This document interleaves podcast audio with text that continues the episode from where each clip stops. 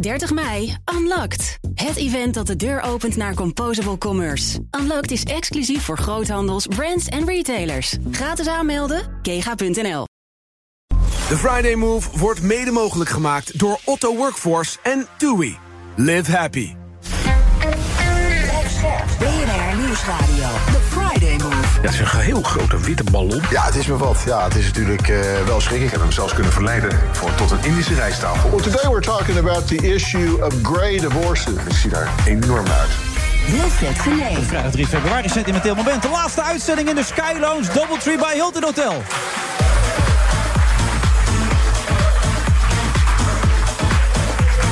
Voor de duidelijkheid, niet de laatste uitzending van de Friday Move... maar de laatste keer dat we op deze locatie zitten. Als mensen denken, hé, krijg nou wat, de laatste uitzending van de Friday Move. Nee, voor de mensen, de haters, uh, ik kan je helaas uh, niet blij maken. We gaan nog een tijdje door met dit programma.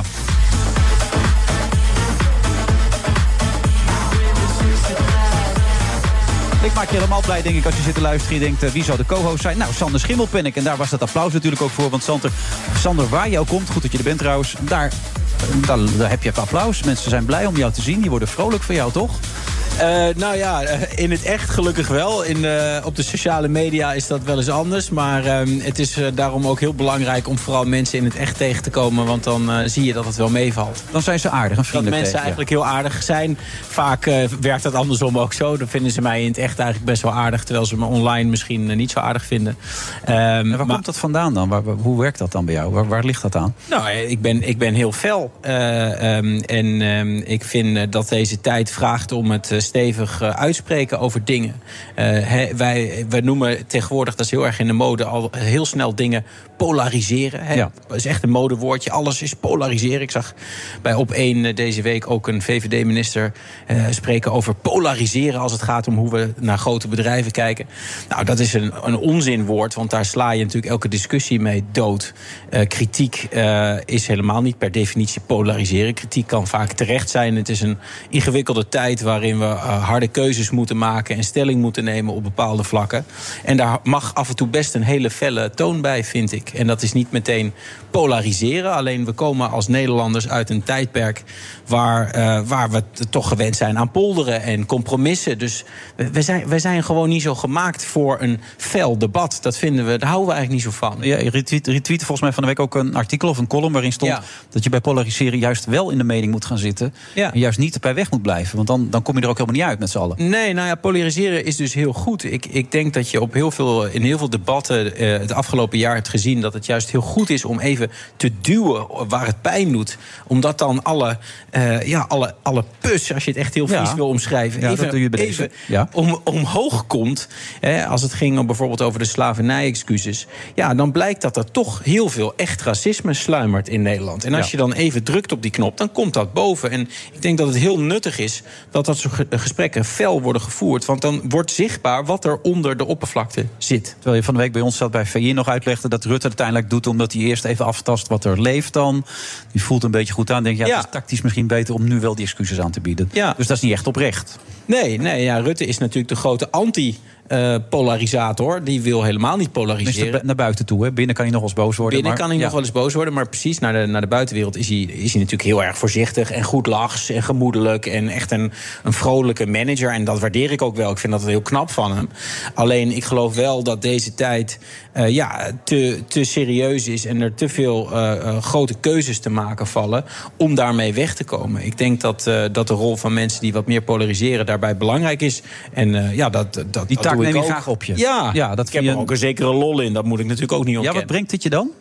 Nou, ik, ik, ik, uh, ik, ik heb wel plezier in het uh, venijnig omschrijven van bepaalde tegenstanders. Bruinhemden en uh, nou, bruin, bruinhemd, bruinhemd is natuurlijk niet zo creatief, maar... Hmm. Uh, ik, had, uh, van, ik had deze week aan de, aan de stok met een paar mensen die ik dan prostaatpopulist noem. Ja, dat die VI-kijkers ja. waren, hè? Ja, ja. Dat, nee, ja, niet VI-kijkers. Dat zijn hele aardige, interessante mensen. Maar het ging in dit geval over Jan Dijkgraaf. En zo valt die term op nog heel veel andere mensen te plakken. Maar ook op Johan dan dus? Ja, zeker. Ik denk ja. dat dat ook een Als jullie samen zitten, zijn die vrienden bijna, lijkt het wel. Ja, maar goed, ik, ik vind ook dat je mensen... Kijk, hij zal, als hij een stukje over mij zou schrijven... zou die misschien ook allerlei eh, eh, mooi al- allitererende bijnaampjes verzinnen. Maar dat betekent niet dat je in het echte leven niet gewoon eh, vriendelijk met elkaar kan omgaan. Maar het is een vorm die je kiest. Het is niet de werkelijkheid. Het is polemiek, het is stijl. In Nederland, nogmaals, kunnen wij daar niet zo goed tegen. Want dat zijn we eigenlijk helemaal niet gewend. En Nederlanders denken, wij zijn heel direct. Wij kunnen elkaar de waarheid vertellen in elkaars gezicht. Dat is eigenlijk helemaal niet waar. Maar waarom blokkeer je dan heel veel mensen die jouw dingen zeggen, die je niet ja, aanstaan? Je mag altijd kritiek hebben, maar je moet niet mij gaan bedreigen. En dat gebeurt heel vaak. Maar zo'n meisje bij college tour sprak je er ook op aan. Ja, ja die was, dat was gewoon een beetje een stalker.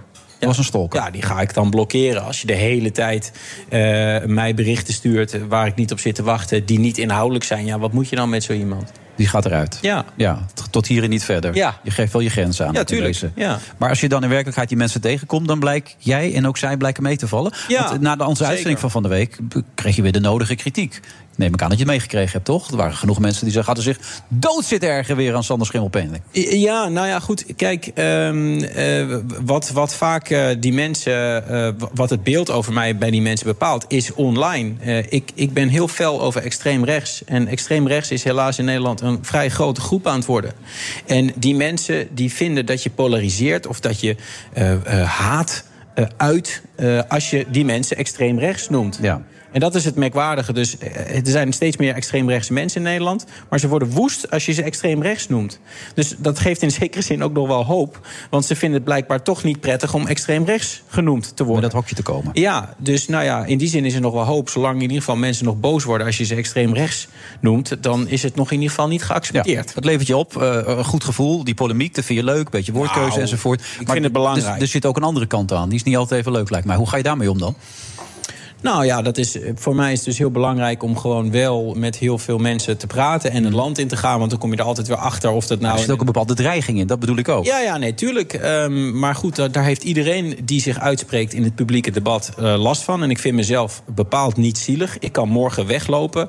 Eh, ik, Naar eh, Zweden. ja, als ik, als ik, als ik Twitter zo vreselijk vind, dan, dan moet ik er gewoon mee stoppen. Dat kan ik gewoon. Ik heb veel meer te doen met politici, met name mevrouw Kaag. Die natuurlijk ontzettend belaagd wordt door Jan en Alleman. Gewoon haar werk doet. Daar kun je van alles van zeggen. Je kan zeggen dat je er geen goede minister vindt, dat je er eh, arrogant vindt. Mag allemaal. Maar de constante stroom eh, bedreigingen en ook het seksisme dat ze uit de rechtse hoek eh, te verduren krijgt, vind ik absoluut onacceptabel. En zij kan niet weglopen. Dus met die mensen heb ik veel meer te doen. Er zijn ook heel veel lokale politici die eh, ontzettend bedreigd worden. Die, eh, en er zijn ook mensen die daardoor afhaken. Andere mensen die het niet meer willen doen. Eh, en dat, dat vind ik een heel groot probleem in Nederland. Dat is ook een reden, mede een reden voor jou om het niet te willen, toch? Zeker, dat is, een, een- is niet de reden hoor, Nee, maar, maar- het is wel een belangrijke factor in het verhaal. Ehm, en, en dat is natuurlijk een drama. Als, als goede mensen die hun nek willen uitsteken, dat niet meer doen, omdat die downside zo groot wordt. En ehm, wat je heel erg merkt in, in, in het gesprek daarover, is dat er heel veel victim blaming is. Hè? Dus dat gebeurde in jouw programma ook natuurlijk een beetje met die berghuis. Eh, eh, het wordt dan vaak de, de bedreigde wordt verweten van ja, je hebt het er zelf naar gemaakt. Moet je maar niet naar Ajax gaan. Moet je maar niet zo'n felle toon hebben. Dat is onzin. Er is geen enkel excuus voor bedreigingen en daar moet je heel streng in zijn. Eh, Hoe wil je dat dan stoppen? Door dat heel duidelijk uit te spreken? Dan nou ja, ik, ik, vind, ik, vind het, ik vind het signaal van de overheid eigenlijk niet goed op dit moment. Er is nu een sierencampagne. over polarisatie. Over polarisatie. En dat vind ik een hele slechte boodschap. Want daar wordt wederom oud-Hollands de suggestie gewekt dat de waarheid altijd in het midden ligt. Hè? Als je een fascist hebt Hmm. en iemand, eh, mevrouw Kaag, en die zijn het niet eens, dan moeten ze maar tot elkaar komen. Wat een onzin. Een fascist, daar daar hoef je helemaal niet mee in gesprek. Mensen die andere feiten erop nahouden, daar hoef je helemaal niet mee in gesprek. Daar ligt de waarheid niet in het midden. Mensen die eh, COVID ontkennen, mensen die klimaatverandering ontkennen, daar hoef je helemaal niet mee in het midden te eindigen. Dat is het platslaan van de discussie. En dat is, eh, dat is gewoon onwenselijk. Ja, dus voor een betere situatie in onze maatschappij. Dat gaat je ook in je boekje beschrijven, Ja. beschrijven hoe, groot de kloof van het worden is. Moeten we sowieso veel duidelijker weer tegen elkaar zijn. In plaats van te denken, ik hou me maar even in, want dat zou weer een probleem op kunnen gaan leveren. Ik denk dat je, dat je mensen moet dwingen om stelling te nemen. Ik denk dat bijvoorbeeld, eh, nou ja, die slavernij-kwestie vond ik heel interessant. Ook omdat ik in mijn eigen omgeving eh, werd dat gesprek feller gevoerd dan ooit. En dan kom je er opeens achter, hé, hey, die oom of die vriend van mij is eigenlijk gewoon best wel een racist. Ja. En dat, en dat sluimert bij veel mensen. En als je het nooit erover hebt, als je nooit een beetje een serieus, inhoudelijk, fel gesprek voert, dan kom je daar nooit achter. En ik vind het heel prettig om te weten met wie ik te maken heb. En dan zou dat ook kunnen betekenen dat je banden verbreekt met mensen. Als je dat zo duidelijk ontdekt. Nou, ik, ik, eh, ik vind sommige dingen wel onoverkomelijk, ja. Ja. Wat is het laatste wat voor jou onoverkomelijk is geweest? Nou, bijvoorbeeld uh, uh, racistische ideeën over ons slavernijverleden. Van, ja, er zijn, er zijn heel, bijvoorbeeld? Nou ja, mensen die zeggen van ja, wij, wij, hebben niks aan die, we zijn niks verplicht aan die mensen. Ja, iedereen deed het, uh, dat, dat soort gelul. Ja. Maar dat zegt Johan ook. Dus dan heb je ook al met Johan je klaar. Nou, ik denk dat hij meer gewoon bang is dat er geld betaald moet worden en Ja. zo. En, hij, dat hij, en ik snap natuurlijk heel goed het argument van ja, dat is heel lang geleden gebeurd. Wat hebben wij daarmee te maken? Vind jij wel dat er geld betaald moet worden? Ehm, in de Nederlandse situatie zou ik dat eh, niet zo goed weten. Ik weet wel dat in de Franse situatie, met Haiti met name... het volkomen terecht is eh, dat daar eh, schadevergoeding wordt geëist. Omdat na de afschaffing van de slavernij... het bonnetje van die, van die afschaffing eigenlijk bij Haiti eh, neerlegt. Ja. Maar bij neergelegd. Suriname, die hebben juist heel veel geld gekregen van de Nederlandse staat. Ja, dus ik denk dat die situatie anders is. Ik durf daar niks over te zeggen. Maar ik denk dat het in de basis heel goed is dat wij onze rol erkennen in, in, in dat leed. En ik vind het heel goed dat Rutte dat heeft gedaan. Hoeveel mensen zijn er nu weer boos op je, denk je, op dit moment? Weet ik niet, interesseert me niet. Maar eh, mensen mogen boos zijn, maar ze moeten niet mensen bedreigen. Oké, duidelijk. Gaan we zo weer door. Ja.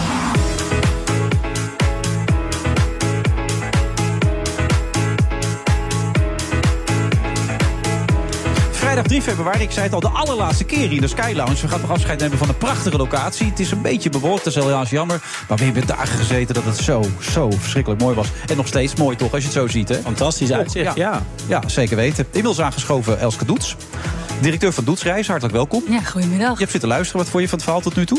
Nou ja, ik, eh, ik heb ook een hekel aan het poldermodel. Dus Ja. eh, Je bent van de stevige uitspraak over het algemeen, Zeker. toch? Ja, links of rechts, geen gezeik. inderdaad. Ja, politiek is daarom ook niet aan jou besteed, zeg je, want ik loop voor de troep uit.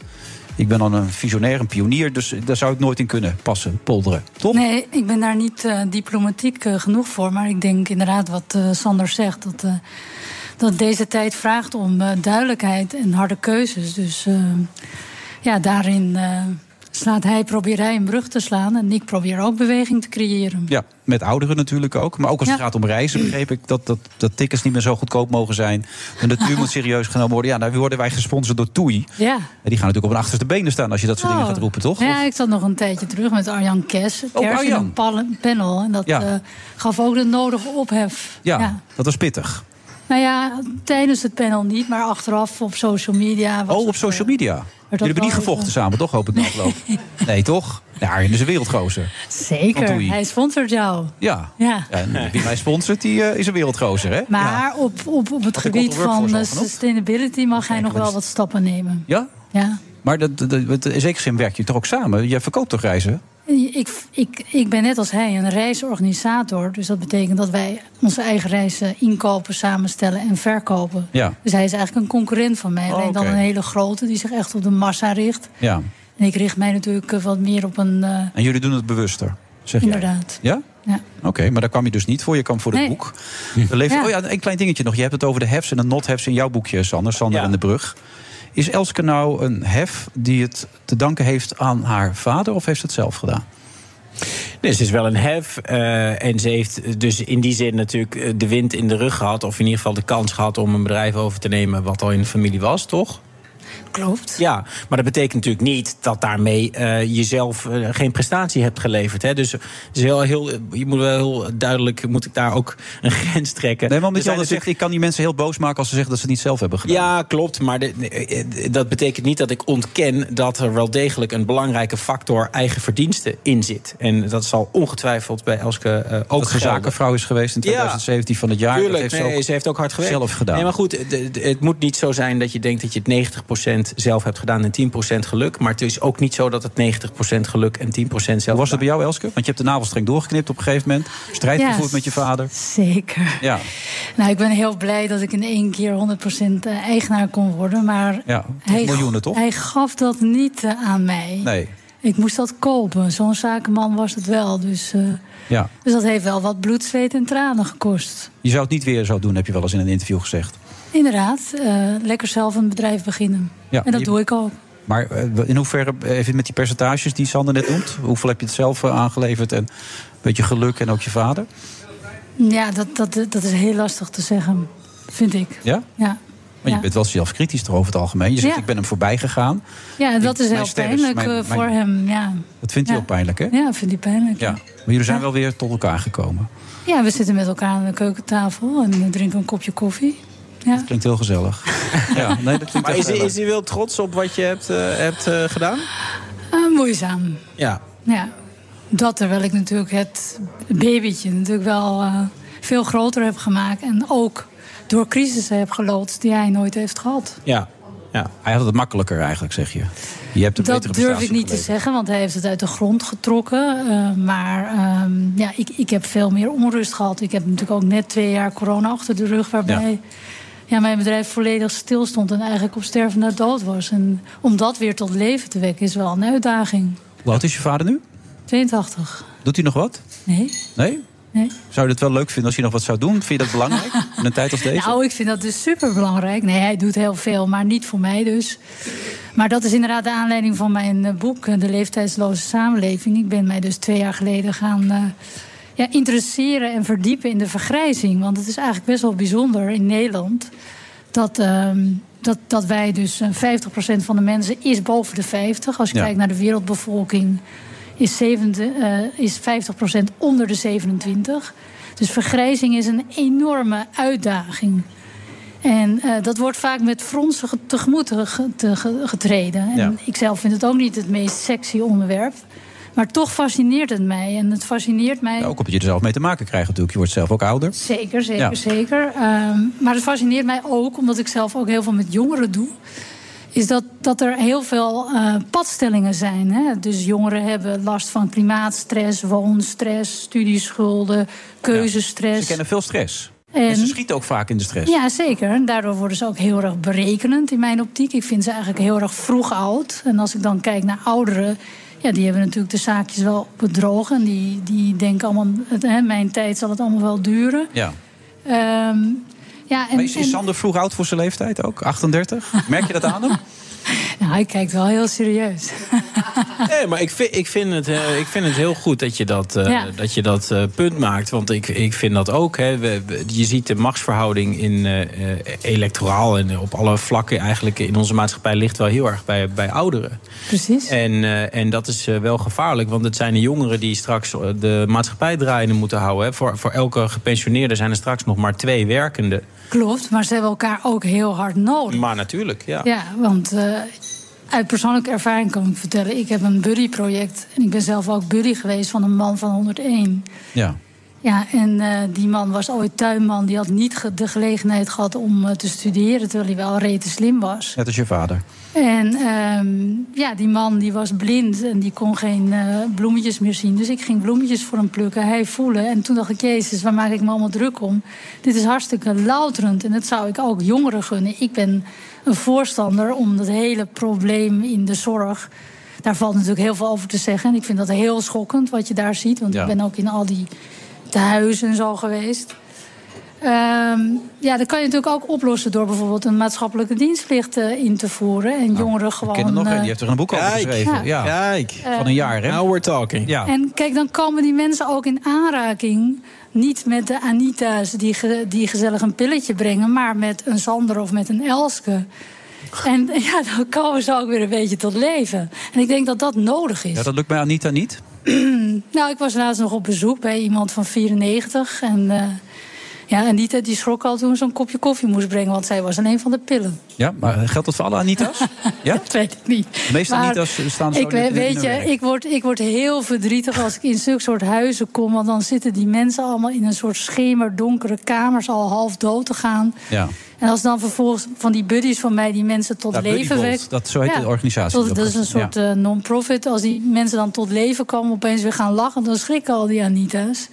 Want ja, ze moeten natuurlijk vooral half dood in die kamers blijven zitten. Want dan hebben ze er weinig Ja, werk ze moeten aan. niet actief worden. Nou, is, het, is het zo erg? Ja, Doe je verpleegkundigen nu niet tekort? Nee, ik doe ze niet tekort. Ze hebben geen gelegenheid. Ze doet hetzelfde Nee. wat jij En dat steeds is- doet dat op is- Twitter eigenlijk. dat is gewoon heel erg. Ja, hou op. een beetje op te naaien nu. Nee, nou ja, dat, dat waardeer ik natuurlijk altijd. Maar ik denk... Nee, maar hè, zij krijgen geen gelegenheid om dus Precies. eigenlijk hun, Ze hun, roeping, tijd. Ja. hun roeping te doen. Zij Ja. hebben geen gelegenheid om met mensen naar buiten te gaan. ja. Dat is gewoon verschrikkelijk. Maar met die vergrijzing moeten we natuurlijk ook als politiek zijn... maar ook als maatschappij er anders in gaan staan. Hoe ga je die verandering doorbreken? Want je hebt een heel boek erover geschreven. Ja. Wat, Ja. wat is jouw belangrijkste punt daarin? Of een aantal belangrijkste punten? Ehm, nou ja, ik vind met- het gewoon ontzettend belangrijk. Allereerst als je kijkt naar bedrijven. Dat die dus op het gebied van diversiteit en inclusie... dat die stappen gaan nemen. Dat is eh, niet alleen maar over eh, gender en over achtergrond eh, praten... maar Mhm. Gewoon als jij meer dan 50% eh, 50-jarig hebt in je land... moet dat ook terugkomen in je organisatie. Het is helemaal niet zo dat die mensen allemaal fulltime moeten werken... maar zij kunnen een hele mooie ja, soort, soort mentorfunctie hebben voor jongeren... die natuurlijk heel veel stress hebben. Je hebt steeds over die stress, Ja. hè? En dan kunnen Ja. ze niet zo goed mee omgaan, die jongeren ook, die stress. Nee, die vallen ook heel erg veel uit. Het zijn niet de ouderen die uitvallen, maar de jongeren die uitvallen. Ja, en de Ja. ouderen blijven wat rustiger, die zijn wat evenwichtiger... En die kunnen daarbij helpen. Je kijkt naar je aantekeningen, je wilt nog wat kwijt. Wat wil je nog meer kwijt, Elske? Ik zie het wel gebeuren. Nou, ook op het gebied van wonen denk ik dat je ook best wel wat, eh, wat kan doen. Hè? Ik wil, er is ook een enorme wooncrisis. ja. Ga huizen gewoon opdelen. Hè? En dat Dus, jongere eh, mensen bij oudere mensen ja, gaan ja. wonen. Een, Ja. een van de prettigste dingen aan mijn huidige woonsituatie in Gothenburg zijn mijn babyboomende empty nest eh, buren.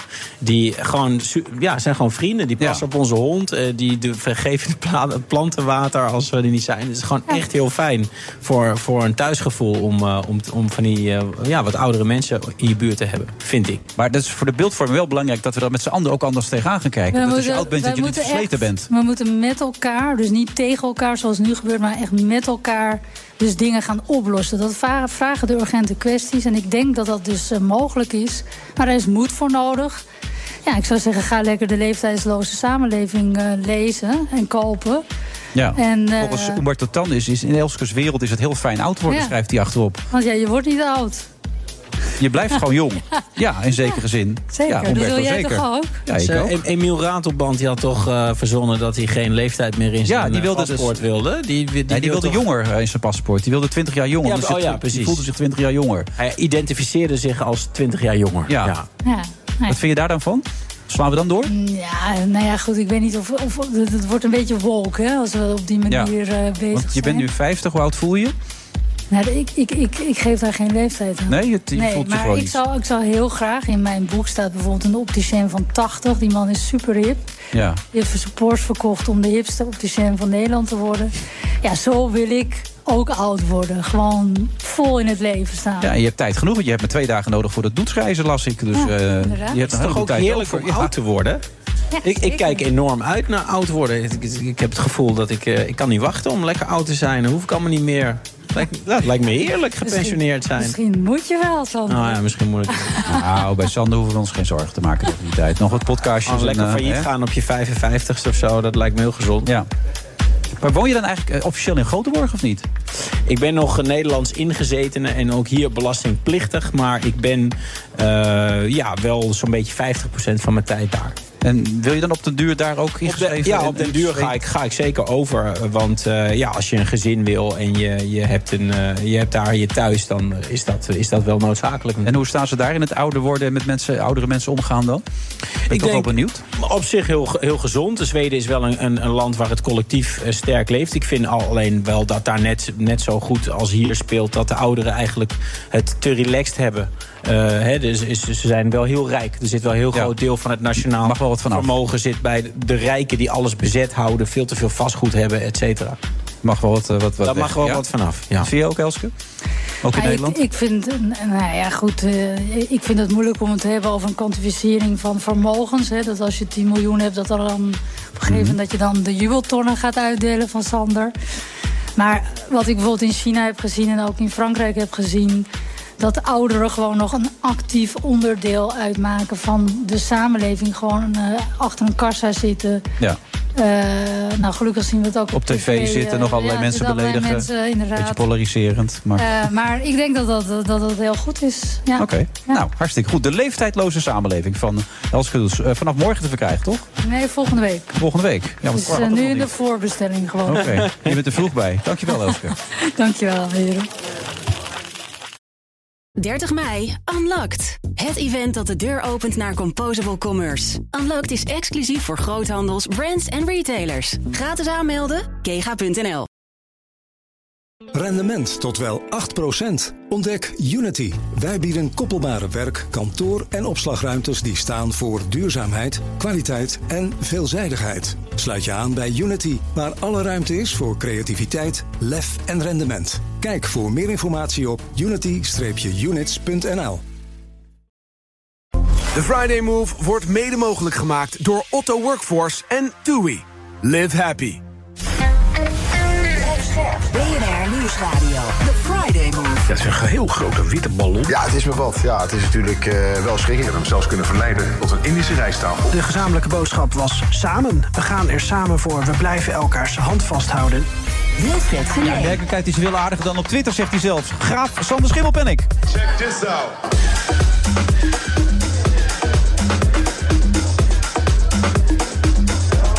Je probeert het altijd iets leuker aan te kleden. Dat begrijp je, Sander, toch? ik, ja, eh, toch? ik, ik, ik waardeer je pogingen. Ja, nee, ik probeer het altijd een beetje op scherp te zetten. Wat jij ook doet. Want dan wordt het leuk, zeg Is, jij. dat is ook zo, ja. Ja. Mijn gezucht en gesteun als je dat zegt, dat is ook weer wat. is ook Ja. weer entertainment. Dat ja. werkt dan ook weer. Ja, Ja. zo is het. Ik snap het. Met wat voor gevoel reed je van de week eigenlijk weg na de uitzending van VI? Nou, ik vind het, ik vind het zo bijzonder dat eh, het, eh, als, als ik daar mijn verhaal mag doen... dat Derksen eigenlijk eh, met name verandert in, in een soort ja, poes, poeslief, ontzaghebbend... aardig mannetje met een snor. Ja. Terwijl je normaal zie je hem altijd toch uithalen en in, in gesprek gaan. Maar het, het lijkt alsof de boodschap toch goed landt bij hem. Ja, het boek komt goed aan. Hij dus vindt je verhaal is- goed, zegt hij. Ja, dus dat, dat, dat, ja, dat is, komt voor mij ook als een grote verrassing. Maar ik ben er wel blij mee. Nou weet ik niet of hij alles gelezen heeft. Ik had het boekje nog even gelezen. Vijf voorstellen voor een eerlijke Nederland. Die Ja. ton stond er andere in. Ja. Erfbelasting moet omhoog. Eh noem nog een aantal zaken die eh, belangrijk zijn. Hervormen van het onderwijs. Die is ontzettend belangrijk, vind ik trouwens. Van. Ja, vind ik ook. Dat, eh, Ja. Maar er was niets uit waarvan hij zei van daar kan ik niks mee. Dat, Nee. Dat is Nee. toch best wel opmerkelijk. Nee, maar ik heb het idee dat zijn meningen ook wel eh, vrij eh, eh, niet, niet heel stabiel zijn. Dat hij de ene verkiezing op eh, D66 kan stemmen en de volgende op FVD, bij wijze van spreken. Heeft hij Ja. ook gedaan in het verleden, geloof ik. Ja. Dus eh, ja, zo, zo stabiel als hij doet voorkomen, is hij dan waarschijnlijk ook niet in zijn opvattingen. En dit boekje is nu voor jou klaar. Hè? Je hebt van de week tegen mij gezegd na afloop van ik ga nu op naar iets nieuws. Nee, de, de kloof is nu wel, eh, wel, eh, wel mooi geweest. Het is, een heel belangrijk thema. Maar ik merk al dat het, eh, dat het goed aankomt. Dat de beweging in de maatschappij wel degelijk al gaan is. Ook bij het kabinet. Het kabinet is, eh, vind ik, heel goed bezig op, op, eh, op eh, het vermogensvlak, zal ik maar zeggen. Box 2 wordt straks aangepakt. Ehm, de woningbeleggers wordt al het leven zuur gemaakt. Eh, er zijn allerlei manieren waarop ze aan knoppen aan het draaien zijn. Dus volgens mij eh, gaat het gewoon eh, de goede kant op. Nou, dat is een geruststellende gedachte. Ja. Hey, je zat ooit bij Houthof, hè? Ja, als advocaat. En toen beelde je op een gegeven moment je vader op. Je zei, dat is niet mijn ding, hè? En toen reageerde hij leuk. Toen reageerde hij positief. D- Dat is een van de momenten waarop ik echt moet toegeven dat ik privilege heb genoten, geluk heb gehad in mijn leven. Dat was inderdaad, als advocaat zat ik daar in zo'n toren eh, ongelukkig te zijn, zoals veel jonge mensen dat eigenlijk helemaal niet leuk vinden, maar Nee, doen omdat het status heeft Ja. en zo. En eh, toen heb ik mijn vader gebeld van ja, ik, pap, ik trek het niet meer, ik wil, ik wil, gewoon, ik wil weg. Eh, en toen zei hij, nou, dat moet je doen joh, kom wel goed met jou. Ja. En dat is natuurlijk enorm privilege als op, zo, op, zo, ja, op zo'n belangrijk moment eh, iemand eh, uit je familie zegt van, eh, nou ja, ik sta achter je. Eh, veel jonge mensen zullen een ouder hebben die op zo'n moment zegt van, hoe ga je de huur dan betalen? Hoe ga je dat dan doen? Eh, dus dat is, een, dat is een groot geluk als je dat hebt. Eh, en dat heeft eh, niet alles met geld te maken, maar toch ook wel een beetje. Want ja, je weet, er is een soort vangnetje. Je, Ja, je kan even ademhalen en bedenken wat je dan wil gaan doen. Paul Acta, advocaat, welkom. Goed dat je er bent. Ja, dankjewel. Hoe hadden jouw ouders gereageerd als je dat had gezegd tijdens... Ehm, ja, ik denk eh, anders. In die zin eh, toch wel meer denkend vanuit zekerheden. Ja. Ehm, maar eh, mijn ouders kennende zouden ze zich ook bij neerleggen... op het moment dat ik echt zou aangeven... dat mijn passie heel ergens anders zou hebben gelegen. Dus ik denk wel iets van weerstand, maar niet een blokkade. Nee. jouw passie ligt bij het strafrecht met Ja, name, hè? Ja, absoluut. Nou, ik werd al vrij snel. ehm, eh, nou, toch. mijn tegenoverbuurvrouw was rechter. En ik moest eh, vanuit de basisschool moest ik een keer een, ehm, een, ja, een project, een werkstuk schrijven over het beroep van iemand in de buurt. Nou, dat werd dus eh, mevrouw de rechter. En eh, zij zat toen net ook in een hele ja, interessante strafzaak, de Bende van Venlo, die toen speelde. Ja. Ja. Eh, dus dat was enorm sappig. Eh, en nou, daar, daar kreeg ik details van mee. En eh, nou, dat triggerde mij wel. Toen ben ik re- eerst economie gaan studeren, bedrijfskunde in Maastricht. Ja, daar kun je meer geld mee verdienen. Nou ja, dat, dat was wel dat de, eerste, ja. de eerste gedachte. Ehm, maar een, eh, ja, een, een vriend van mij die studeerde rechten. En die kwam altijd bij mij. Oh, ik woonde in de binnenstad van Maastricht. En die kwam altijd bij mij eh, studeren, eh, tussen aanhalingstekens. Maar ik zag die, die wettenbundels en ik zag die, eh, ja, die, ook die. die thema's die hij dan moest behandelen. En dat, ja, dat, dat intrigeerde mij ontzettend. En eh, daardoor ben ik toen overgestapt naar rechten toe. En eh, wel al direct met het idee van ja, ik wil strafrechtadvocaat worden. En toen kwam in een college professor Peter van Koppen. Die kwam praten over. Maakt echt een lang verhaal van, Paul. Ja, maar ga dus, ja, nee, dus door. je- Ja, je- vroeg ernaar, dus Een klein uitstapje dacht Ja, ik. maar- Juristen ja. zijn niet kort van stof. Nee, dat is nee, er altijd het risico als je een, eh, een advocaat uitnodigt. Nee, maar Peter van Koppen kwam langs en die vertelde een verhaal over gerechtelijke dwalingen.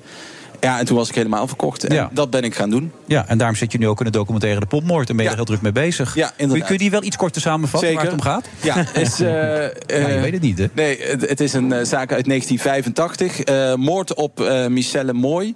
Een medewerker van een tankstation in Warnsveld. Ehm, zij werd op 24 oktober 1985 eh, dood aangetroffen bij haar auto achter het benzinestation. Met messteken om het leven gebracht. Brute moord. Eh, maar de politie tastte in 85 in het duister eh, naar eh, een verdachte. Er werd wel onderzoek gedaan, maar kwam daar niet uit. De zaak bleef onopgelost, lang op de plank gelegen, tot 2002. De politie een anonieme tip binnenkreeg, wat in de richting wees van vier mannen. En die vier mannen zijn uiteindelijk in 2004 door het gerechtshof in Arnhem veroordeeld. Het bewijs voor die veroordeling bestond eigenlijk enkel en alleen op de bekentenissen van één van die vier die aangaf, wij hebben dat op eh 24 kreeg, eh, oktober vroeging. 1950. Nee, Nee. Ja, het, het, het is geen vroeging. Maar hij is in een verhoorsituatie gebracht waarin hij een bekentenis heeft afgelegd. Ze zijn veroordeeld tot gevangenisstraffen tussen 6 en 8 jaar. Maar misschien moet je het even uitleggen. Hij werd gewoon eigenlijk. Hij mocht bijna niet slapen. Hij werd onafgebroken verhoord. Hij knapte gewoon. En op een gegeven moment dacht hij: Weet je, eh, Ja. ik heb het zitten kijken gisteren. En dan zit je te kijken naar een man die op een gegeven moment dacht: Ja, weet brak, je, dan doe ik het wel. Dan heb ik het wel gedaan. Ik, hij kon niet meer, zei Nee, hij. nou, tijdens, de, tijdens de behandeling bij de rechtbank eh, trok hij die bekentenissen in. Dus de bekentenissen die hij bij de politie had gedaan, die trok hij in. En hij zei: Ik ben onder druk gezet. De politie heeft mij informatie aangedragen. En ik ben op een gegeven moment, maar om onder die druk uit te komen, ben ik gaan bekennen. Ja. Eh, de rechter eh, in. En bij dat voor wordt ook enorm nog gestuurd. hè. Er Ja, wordt absoluut. steeds bij alles gezegd. Ja. Zou het niet zo kunnen zijn dat je dit hebt gedaan? Zou het niet kunnen zijn? En op een gegeven moment gaat zelfs de, de plaats van delict gaat van binnen naar buiten. En weet de verdachte niet eens meer of het nou binnen of buiten was. Ja, het is, het is dan in het dertiende verhoor dat, dat Hein Krombos, hè, degene om wie het gaat, dan eindelijk bekend voor de politie. Maar die bekentenis die, die komt, eh, nou, na minutenlang doorvragen, komt die dan er eindelijk uit. Maar wat eruit komt, eh, klopt niet met de feiten. Hij zegt inderdaad, ja, ik heb beelden van dat, er, eh, dat ik haar binnen in de shop zie liggen. Dat er wel aantoonbaar de tankstation was afgesloten met dat alarm erop. En zij buiten is aangetroffen. Ja. Evidente fouten eh, binnen die bekentenissen. Hij heeft ook eh, gezegd, zij kwam met de brommer. Eh, terwijl ja, haar auto daar met draaiende motor stond. Hij heeft Als je gezegd- er zit te kijken, Paul, zit je met stijgende verbazing te kijken. Dat Ja, je echt dat- denkt, hoe kan een rechter hier ooit een voordeel op uit hebben gesproken? Ja, het is ook merkwaardig dat het zoveel later nog is. Want dan zou je verwachten dat die emotie die natuurlijk kort na zo'n zaak speelt, niet meer speelt. En dat mensen toch met enigszins. Hè, dat die politieagenten niet zo gretig zijn om eh, een bekentenis eruit te halen. Nou ja, de, de zaak dreigde te verjaren in 2002. Dus Ja. men was wel degelijk zeer gebrand om Ah, die ja. zaak op te lossen. Ja, Ja, ja, en, en ja, het waren de enige vier verdachten die men eh, in al die jaren had. Dus Nou, men dacht- alle kanten op, hè, zeiden die rechercheurs Ja, in, in, het, het echt niet. in het onderzoek van 85 hebben ze zo ontzettend veel eh, sporen uitgezet, onderzoekslijnen uitgezet en, en nergens enig resultaat op gekregen. Eh, en het was wel een, een, een zaak eh, ja, die eigenlijk onder de rook van de politieacademie speelde. Iedereen die studeerde aan de politieacademie, die, die kende die zaak, maar die werd maar niet opgelost. En ja, toen men in 2002 op een Ja, in gegeven moment die tips kreeg, Ja. ja, Ja. toen men die, die tips kreeg, toen dacht men, ja, en, en nu, nu pakken we door. En dat heeft men ook gedaan door, in mijn visie, eh, onredelijk veel druk te zetten om een bekentenis te verkrijgen. Ja. Eh, met name de nabestaanden, met name Jennis, regisseur van Hout. Haar vader Godfried is inmiddels overleden. Wil voor het eerherstel gaan.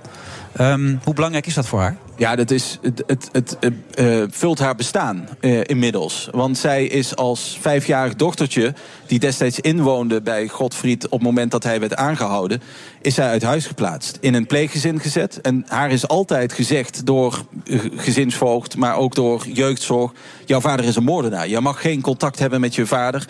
Je moet ver bij hem uit de buurt blijven. Toen hij uit de gevangenis kwam, heeft hij met alles geprobeerd om wel contact met haar te krijgen, maar werd verboden.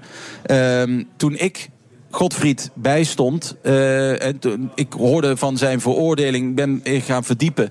En eh, het eerste wat hij zei is. ehm, ik wil het nou niet zozeer voor mezelf, maar voor mijn dochter. Ehm, dat mijn dochter weet dat ik geen moordenaar ben. Nee. En langzaamaan is eh, ook zijn dochter Janice eh, uiteindelijk tot het besef gekomen. ehm, ja, deze zaak is mis. Ja, want ze wilde op een gegeven moment geen contact meer toen hij uit de gevangenis kwam. Maar later, toen hij overleed, ze heeft nog één keer contact gehad, breven via FaceTime. En dat was het ook. kwam ze erachter, dat kan niet waar zijn dat hij het gedaan Ja, heeft. Dus- op, op, op zijn sterfbed heeft hij eh, echt, nou enkele, eh, na twee dagen voor zijn overlijden, heeft hij voor het eerst na al die jaren weer contact kunnen hebben met zijn dochter. Heeft hij haar gesproken en heeft gez- alleen maar gezegd: Ik heb het niet gedaan. Ik heb het niet gedaan en ik ben geen moordenaar. En dat heeft haar bij, bij haar toch de ogen geopend. En langzaamaan is zij ja, met mij gaan praten. Heeft zij stukken gelezen en is zij tot de ontdekking ook gekomen dat deze zaak eh, een, een, echt een gerechtelijke dwaling betreft. Ja, intrigerend om naar te kijken. Elke donderdagavond de komende Ja, twee, twee het is een weken eh. Ja. documentaire van de Caro NCRV. Iedere donderdag eh, nu om kwart over tien op NPO 2. ja, maar de dader loopt nog steeds rond. In mijn visie wel. Als die vier mannen het dus niet zijn geweest... dat betekent dat de echte dader nog steeds vrij rondloopt. En iedereen die iets meer weet over deze zaak... kan zich melden bij mij of bij de documentairemakers... Joost van Wijk van de Caro NCRV. Bedankt, dankjewel. Huub. Ja, graag gedaan.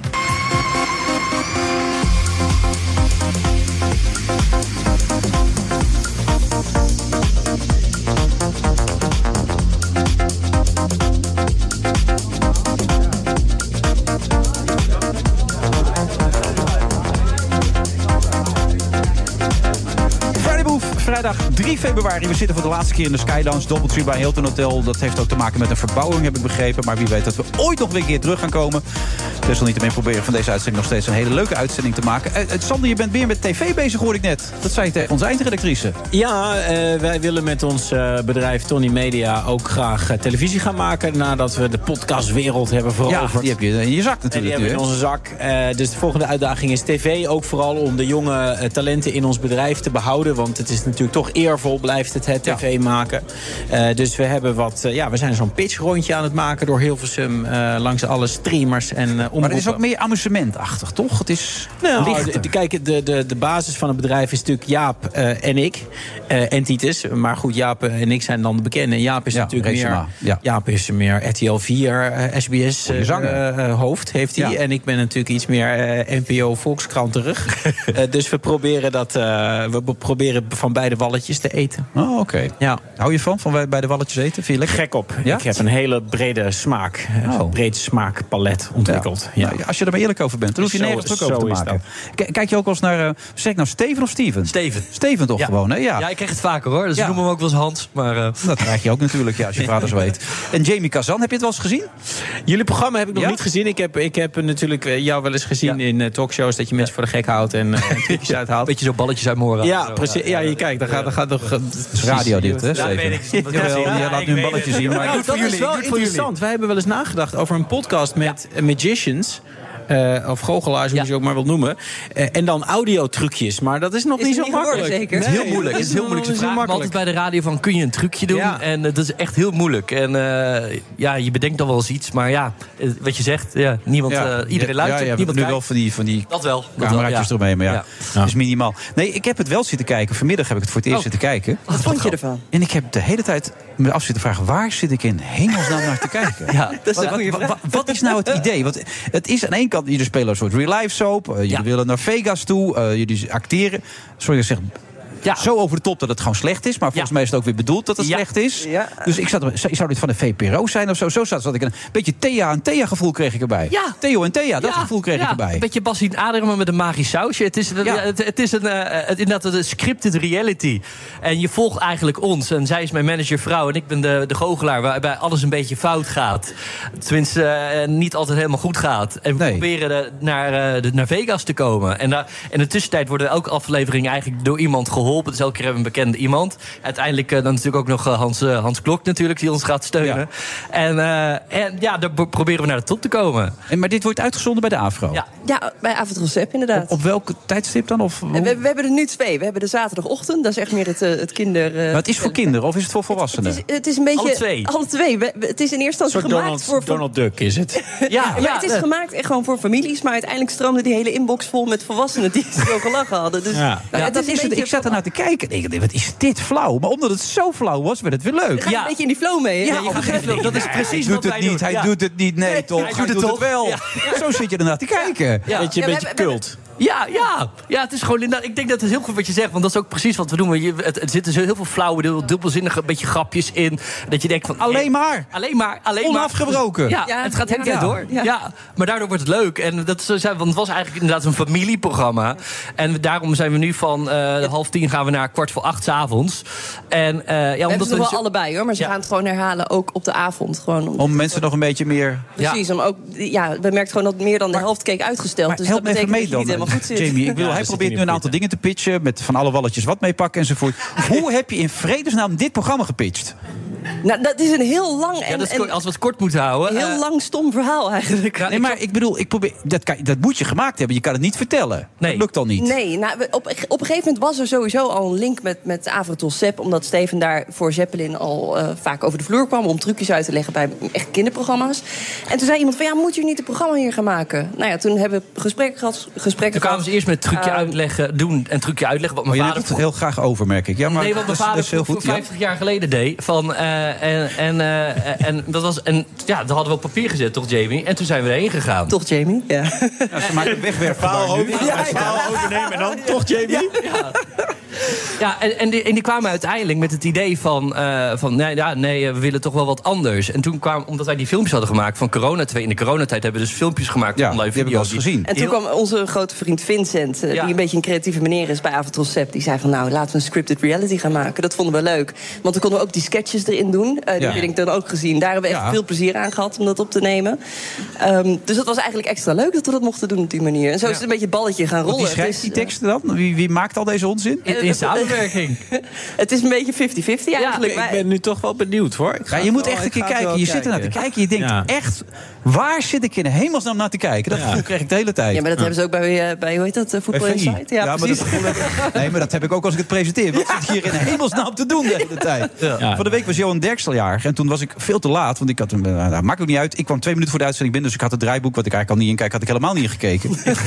dus ik heb van de eerste twintig minuten alleen maar over verjaardagen zitten praten. Terwijl ik ondertussen kijken, wat hebben we eigenlijk voor onderwerpen vanavond? Maar dat was eigenlijk veel leuker dan de onderwerpen die we daarna hadden, weet je wel. Dus gewoon twintig Ja, maar minuten over jullie, niks. jullie show begint eigenlijk een soort eh, podcast te worden. Dat is Eigenlijk wel, gewoon, ja, gewoon ja. oude hoeren zonder Ja. dat er enig eh, draaiboek eh, zit. En dat werkt. Dat Ja. Ik moet zeggen, ik kijk het ook graag terug als- op YouTube al de, de leuke dingetjes. Vind ik echt leuk om naar te Ja. kijken. Ja, maar we weten zelf ook niet welke. Maar ik sluister de hele tijd. Zit daar wat in, zit daar wat in. Dan ga je er één keer naartoe. Nee, daar zit niks. Oh, daar zit het wel. En dan, Ja. dan wordt het heel groot. Ja. En dan laat je ze los. En dan laat je ze even een tijdje gaan. Maar zo hebben jullie dit ook gemaakt. Nou, eigenlijk wel een beetje, ja. Het is gewoon vloeiend ontstaan. Ja. Maar en, en het is dus jullie twee, eh, dus ook bij jullie thuis. Ja. ja, niet in ons echte huis. Het is echt allemaal Oh, dat gescript. af te vragen. Zelfs- Zelfs zelfs dat dat is nep. Zelfs dat is nep. Het is gewoon allemaal nep. Het is allemaal een illusie. Oké. Maar het is inderdaad, wij doen het samen. We hebben Kees Boten, de acteur, die komt dus in de sketches voor. Daar zijn we Ja. heel blij mee. Ja. En voor de rest zijn het allemaal gasten. Dus we hebben Bram Krikke, we hebben Edcilia Rombly, Hans Klok. We hebben de, van alles Oh, en nog ja. wat. Echt heel breed. Ja.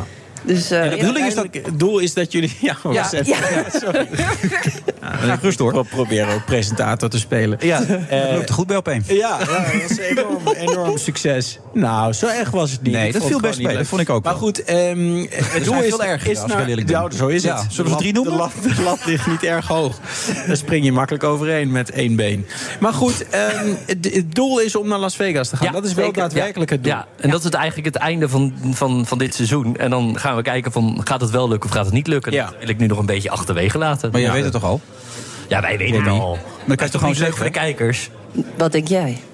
Ja, tuurlijk gaat dat lukken. Nou, precies. Ja, gaan we daarvan uit, hè? Kom op. Tuurlijk gaat dat lukken. Je bent een geweldige goochelaar. mis. Oh, nou, dankjewel. Ja. Ja, dat uit jouw mond mag komen. Ja, ja, leuk. Dan moet je altijd een beetje wantrouwend worden. Als ik het zeg natuurlijk, dan moet je mee Kun je oppassen. beter meteen stoppen? Nou ja, zover wil ik niet gaan. Ik bedoel, eh, het lijkt toch ook lastig. Als je al Kazan heet, dan ligt er een enorme Ja. druk op je natuurlijk. Ja, dat is zo. Dat Ja. is zo. Ja, ja, ja, dat, eh, daarom ben ik ook een beetje meer, denk ik, de andere kant op gegaan. Meer de humorkant. En eh, ja, mijn vader is gewoon een fantastische goochelaar. Hoe is jullie relatie eigenlijk, Jamie? Die, tussen ons twee?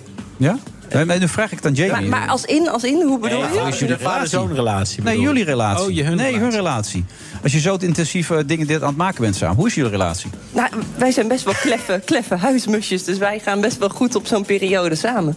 Wij zijn altijd samen gewoon. Dus Ja? ja, Ja. ja. Dat gaat altijd goed. Ja, ja, mensen vinden dat heel raar. Ja, vrij hoog om nu te zeggen dat je relatie heel Nee, slecht gaat. nou ja, nee, maar- leuk vinden, heerlijk vinden ook als het wel zo in, in is. de coronatijd van, ja, wij, vonden het heel fijn om, om thuis te zijn en bij elkaar. Die filmpjes Ja, ja. maken, dat hebben we echt eh, heel, heel leuk gehad. Je hebt nooit ruzie.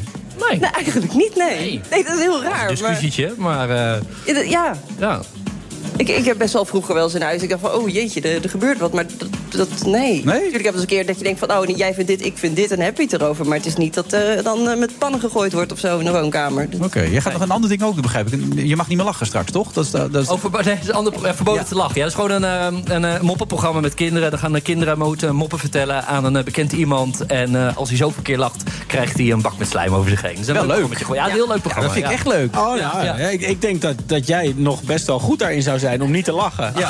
Zou je een Ik- keer ik zijn zou gast dat willen ook Zou je zijn? een keertje gast willen zijn? Nou, ik ben ook al gevraagd voor een nieuw karaoke-programma bij Sepp. Ja, Dat, eh, doen. Doen. ja? Samen met Johan Derksen. Lachen. Ja, lachen. Ik zie het helemaal voor me. Nou ja, daar moet er even goed over nadenken. Nou, nog even, dit, dit programma, die, die, zoektocht naar Vegas. Als mensen het nu willen zien, nu willen het nu echt nu, na dit programma zeker bekijken. Wanneer, hoe en wat? Eh, nou, je kunt het morgenochtend zien om half tien of om kwart voor acht op Avondros Zep. Ja, dus, eh, Of je gaat op de Zep app op de NPO start of weet ik veel. Wordt het twee keer uitgezonden? Twee keer uitgezonden. Ja. Hebben ze zo weinig programma's op de plank liggen daar? Wat is dit allemaal zeg? Vullen, vullen, vullen. Ja. Ja. Ja. Maar wel leuk. Ik, ik raad het de mensen, jij ook, echt gewoon een keer kijken. Ik ga het kijken, zeker. Het is echt heel bijzonder. Nou, dankjewel. Ja. Ik vind jou ook heel bijzonder. Oh, nou, zo hoeft het niet hoor. Zo goed is die relatie. Fantastisch. En de pompmoord is trouwens op donderdagavond. Dat is weer een andere avond. Dus voor de duidelijkheid hebben we alles weer even gedaan. Ontzettend bedankt, jongens. Ja, leuk, leuk dat we hier mogen zijn. Ja, vond je? Ja, ik vond het best gezellig. Kort, maar krachtig. Oké. Ja, daar ook van. Wie weet tot de volgende keer. Dat zou gezellig zijn. Oké. Hoi, hoi. Nou, doe je. Hoi. Hoi. 30 mei, Unlocked. Het event dat de deur opent naar Composable Commerce. Unlocked is exclusief voor groothandels, brands en retailers. Gratis aanmelden, kega.nl. Rendement tot wel 8%. Ontdek Unity. Wij bieden koppelbare werk, kantoor en opslagruimtes die staan voor duurzaamheid, kwaliteit en veelzijdigheid. Sluit je aan bij Unity, waar alle ruimte is voor creativiteit, lef en rendement. Kijk voor meer informatie op unity-units.nl. De Move wordt mede mogelijk gemaakt door TUI en Otto Workforce. Our people make the difference. BNR Nieuwsradio. The Friday Move. Dat is een heel grote witte ballon. Ja, het is me wat. Ja, het is natuurlijk eh, wel schrik. Ik Ik heb hem zelfs kunnen verleiden voor tot een Indische rijsttafel. Well, today we're talking about the issue of gray divorces. Het ziet er enorm uit. Wilfred Genee. Alweer tweede uur van de Friday Move. En nog steeds zit hij er. Sander Schimmelpenning.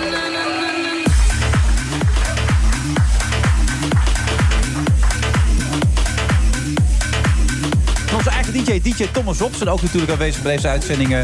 Ik heb al eerder aangegeven voor de laatste keer in de Sky Lounge. Dus niet voor de laatste keer van, deze, van dit programma. Dus hartstikke goed te weten. Hey Sander, ik zat vorige week met uh, Klaas Dijkhoff. En die vertelde mij het verhaal dat uh, naarmate hij hoger kwam in de politiek... hij verwachtte dat het niveau ook omhoog zou gaan. Maar daar waar hij ook kwam, Of het nou regionaal was, landelijk. En op een gegeven moment mocht hij met, met internationale... Grote jongens. En Ja. steeds dacht hij bij zichzelf, is dit nou het niveau? Ja. Heb jij dat ook wel eens, dat gevoel? Ja, ik, eh, ik vind eh, Dijkhoff sowieso een hele leuk vent. Eh, en jammer dat hij niet meer in de politiek zit. Ehm, en ik denk dat het deels ook hoort gewoon bij het ouder worden. Hij kwam natuurlijk op een vrij jonge leeftijd al in de politiek. Ik kan me voorstellen dat je daar inkomt en denkt van... nou, ik ga hele interessante, inspirerende mensen ontmoeten. Met En dat je- visie, ideeën. Ja, dat, eh, dat je naarmate je ouder wordt eh, erachter komt dat ja, iedereen maar wat doet. eh, Ja. In zekere zin. En dat de mensen tegen wie je vroeger opkeek eh, in, in de praktijk best meevallen of minder indrukwekkend zijn. Maar ik, eh, ik denk ook wel dat hij dan misschien eh, bij de verkeerde partij zat. Want daar is eh, visie natuurlijk uit den boze. Ja, is niet de bedoeling. Eh, eh, eh, VVD'ers zijn pragmatische mensen. En daar, dat heeft heel veel voordelen in een land als Nederland. Ik bedoel, ik, ben helemaal niet eh, een, eh, anti-VVD'er. Alleen, ik denk wel dat er een mix moet zijn van eh, bevlogen mensen met een goed verhaal. En pragmatische, meer managerachtige types. En ik denk dat hij dat heeft Maar gemist. en ik mis dat heeft ook. dat dan wel? Ja, bijna niemand. Nee. nee. Dus eigenlijk wat hij zegt, en dat was ik benieuwd naar of jij dat herkende... hoe hoog je ook komt, het niveau lijkt altijd wel een beetje tegen te vallen. Ja, maar Nederland heeft natuurlijk toch ook best wel een, een anti-intellectueel klimaat. Dat, eh, hè, dat, we, dat hoor je wel eens. En eh, ik denk dat dat wel een beetje klopt. Eh, ik ben zelf ook helemaal niet zo intellectueel hoor, daar niet van. Maar nee, vind ik niet. Maar ik heb wel het idee wel dat we. intellectueler dan de meesten.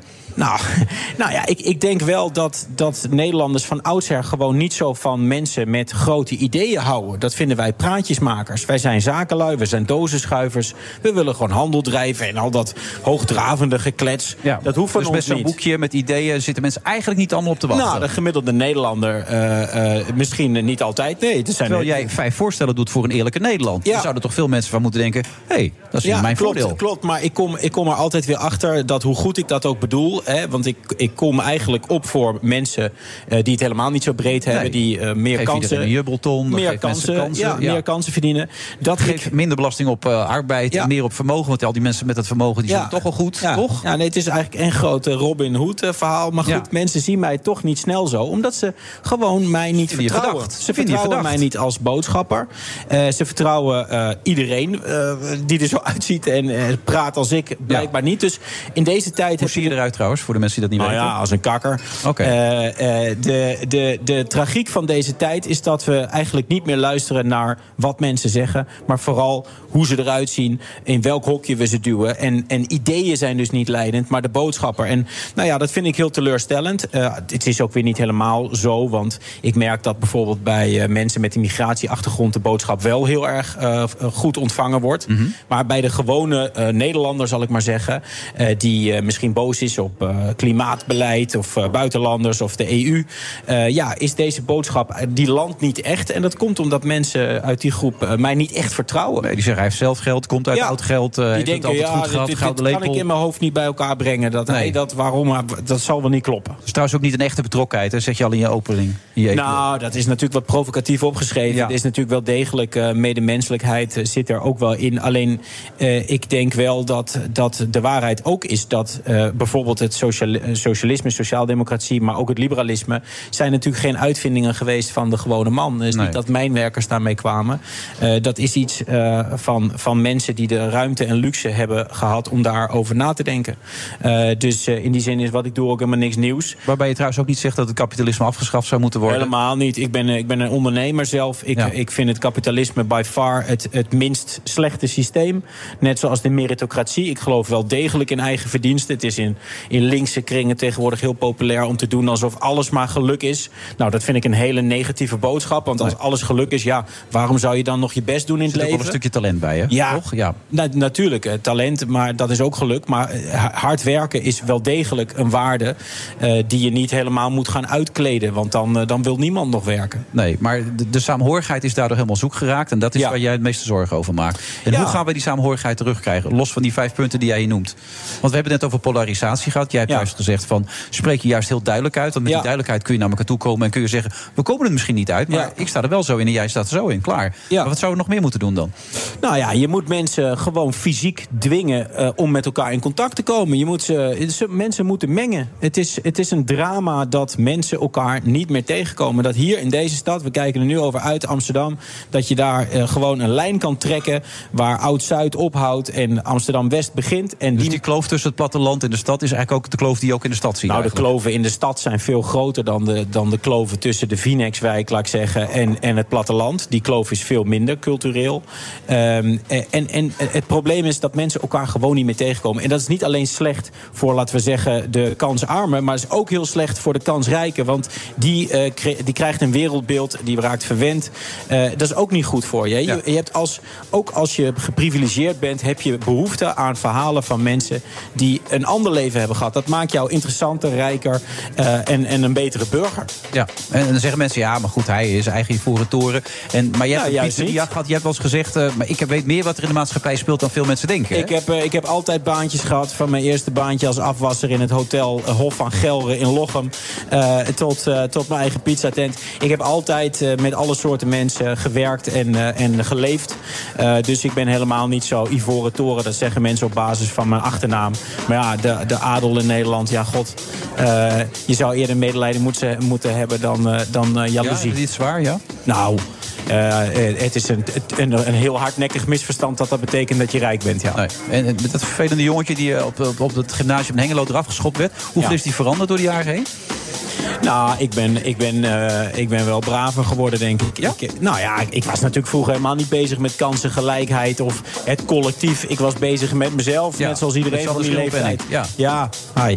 Eh, en eh, dus nee, in die zin ben ik wel degelijk veranderd. Maar nou, sommige dingen zijn ook hetzelfde gebleven. Als, als eh, niet heel belangrijk vinden wat andere mensen van me vinden. Nee, een beetje provoceren. Een beetje provoceren. Beetje een beetje trekken. Maar ook, ook, ook wel met humor. Ik probeer wel mezelf niet serieus te nemen en de wereld om me heen ook niet. Nee, en dan blokkeer je mensen gewoon. Als het niet humor is. Ah, als mensen agressief doen, dan blokkeer ik ze. Ja. Ja. ja, maar wel met een knipoog als ik het zo hoor. Met een knipoog, ja. Oké, heel goed om te horen.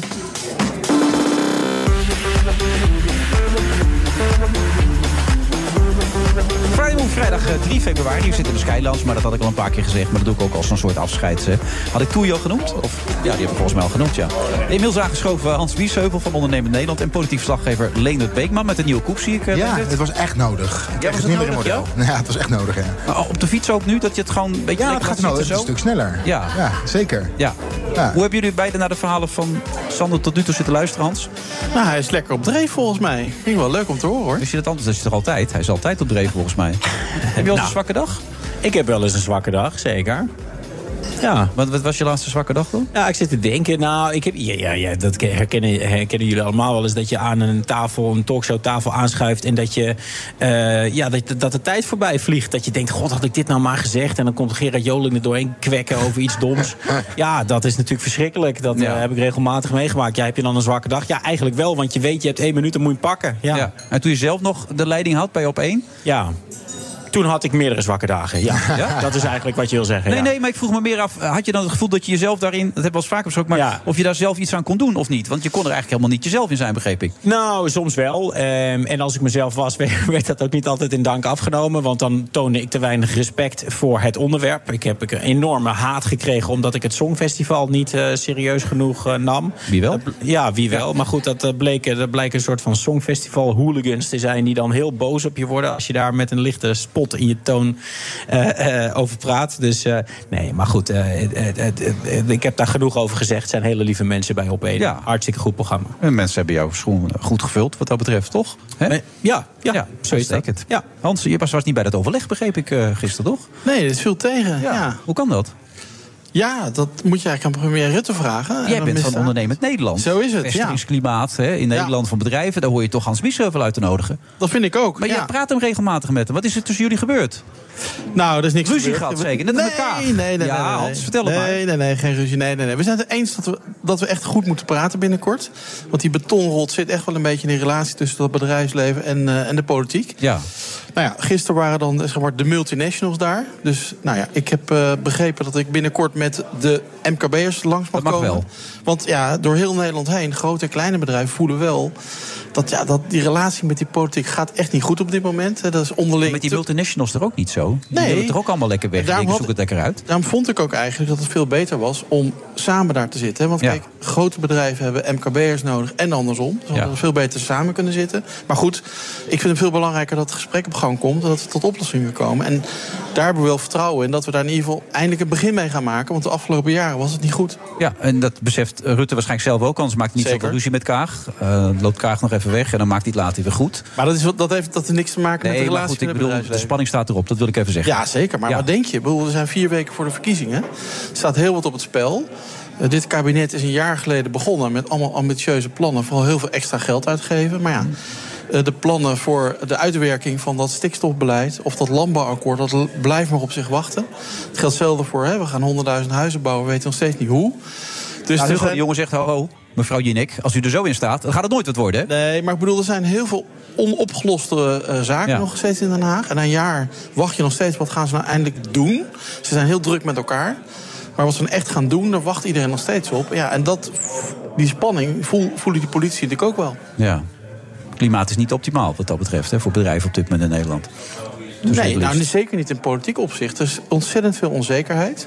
Van waar gaat het nou eigenlijk naartoe? Van de week stond in het Financieel Dagblad... Hè, dat groot deel van de MKB'ers heeft eigenlijk geen idee... hoe een toekomst eruit ziet. Dan investeren ze niet, nemen ze geen mensen aan. En dat is uiteindelijk voor een economie natuurlijk nooit goed. Maar, maar waar zit die onzekerheid dan in voor de MKB'er? Want het Boskalis verhaal kennen we. Hè? De, de, de, inderdaad vrij ingewikkelde regels waar mensen aan eh, moeten voldoen. Met ook allerlei onzekerheden daarin. Daar, daar kan ik me goed inkomen. Maar wat speelt er bij MKB'ers? Wat is daar op nummer 1? Nou ja, bijvoorbeeld vorig jaar is natuurlijk voor heel veel ondernemers... de energierekening ongelooflijk omhoog gegaan. Nou, eh, De bakkers, de slagers, eh, de tuinders. Nou, vervolgens eh, zeg ik dan tegen die ondernemer... Nou, ga verduurzamen, hè. koop die elektrische bus...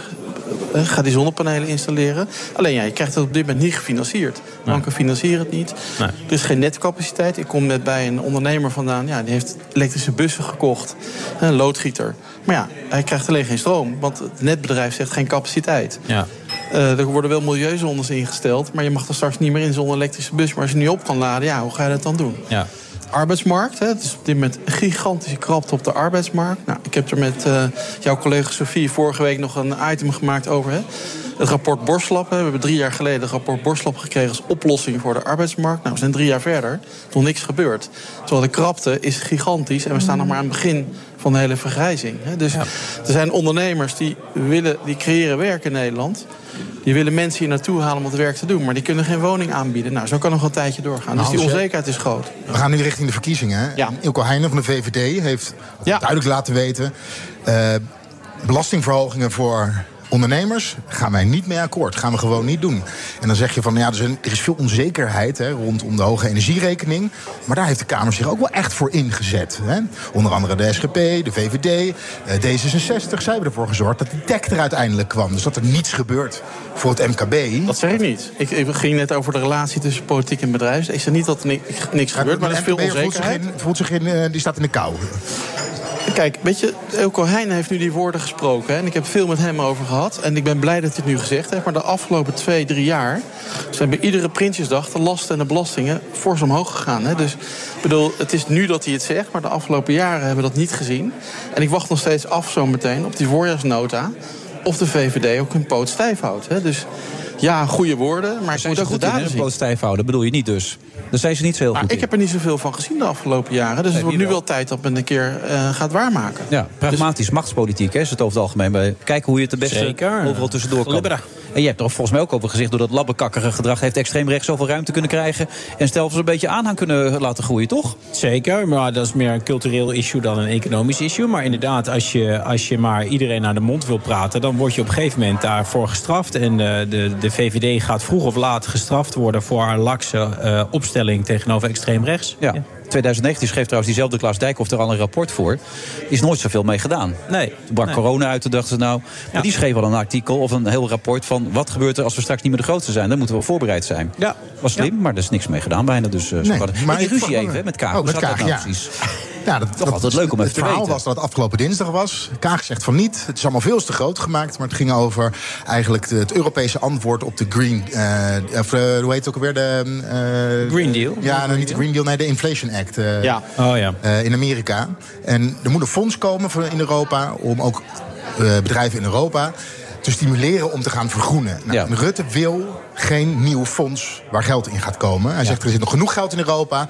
En we gaan niet nog eens een keertje met een fonds beginnen waar alle Want hij ziet dat als een geldtransfer van Noord naar Zuid. Ja, precies. Ja, dat is het natuurlijk ook, toch? Ja, dat is En die blijven maar zeuren, die zuidelijke sta- Ja, en met, met corona, er is nog wat geld over uit het coronapotje. En het verhaal is nu van, ga verder met het geld dat, dat er nog is. Ja. Nou, en Kaag zegt, D66 wil er wel aan. Nou, daar is de ruzie over gekomen. Ja, en eh, Rutte die schijnt nogal opvliegerig te zijn.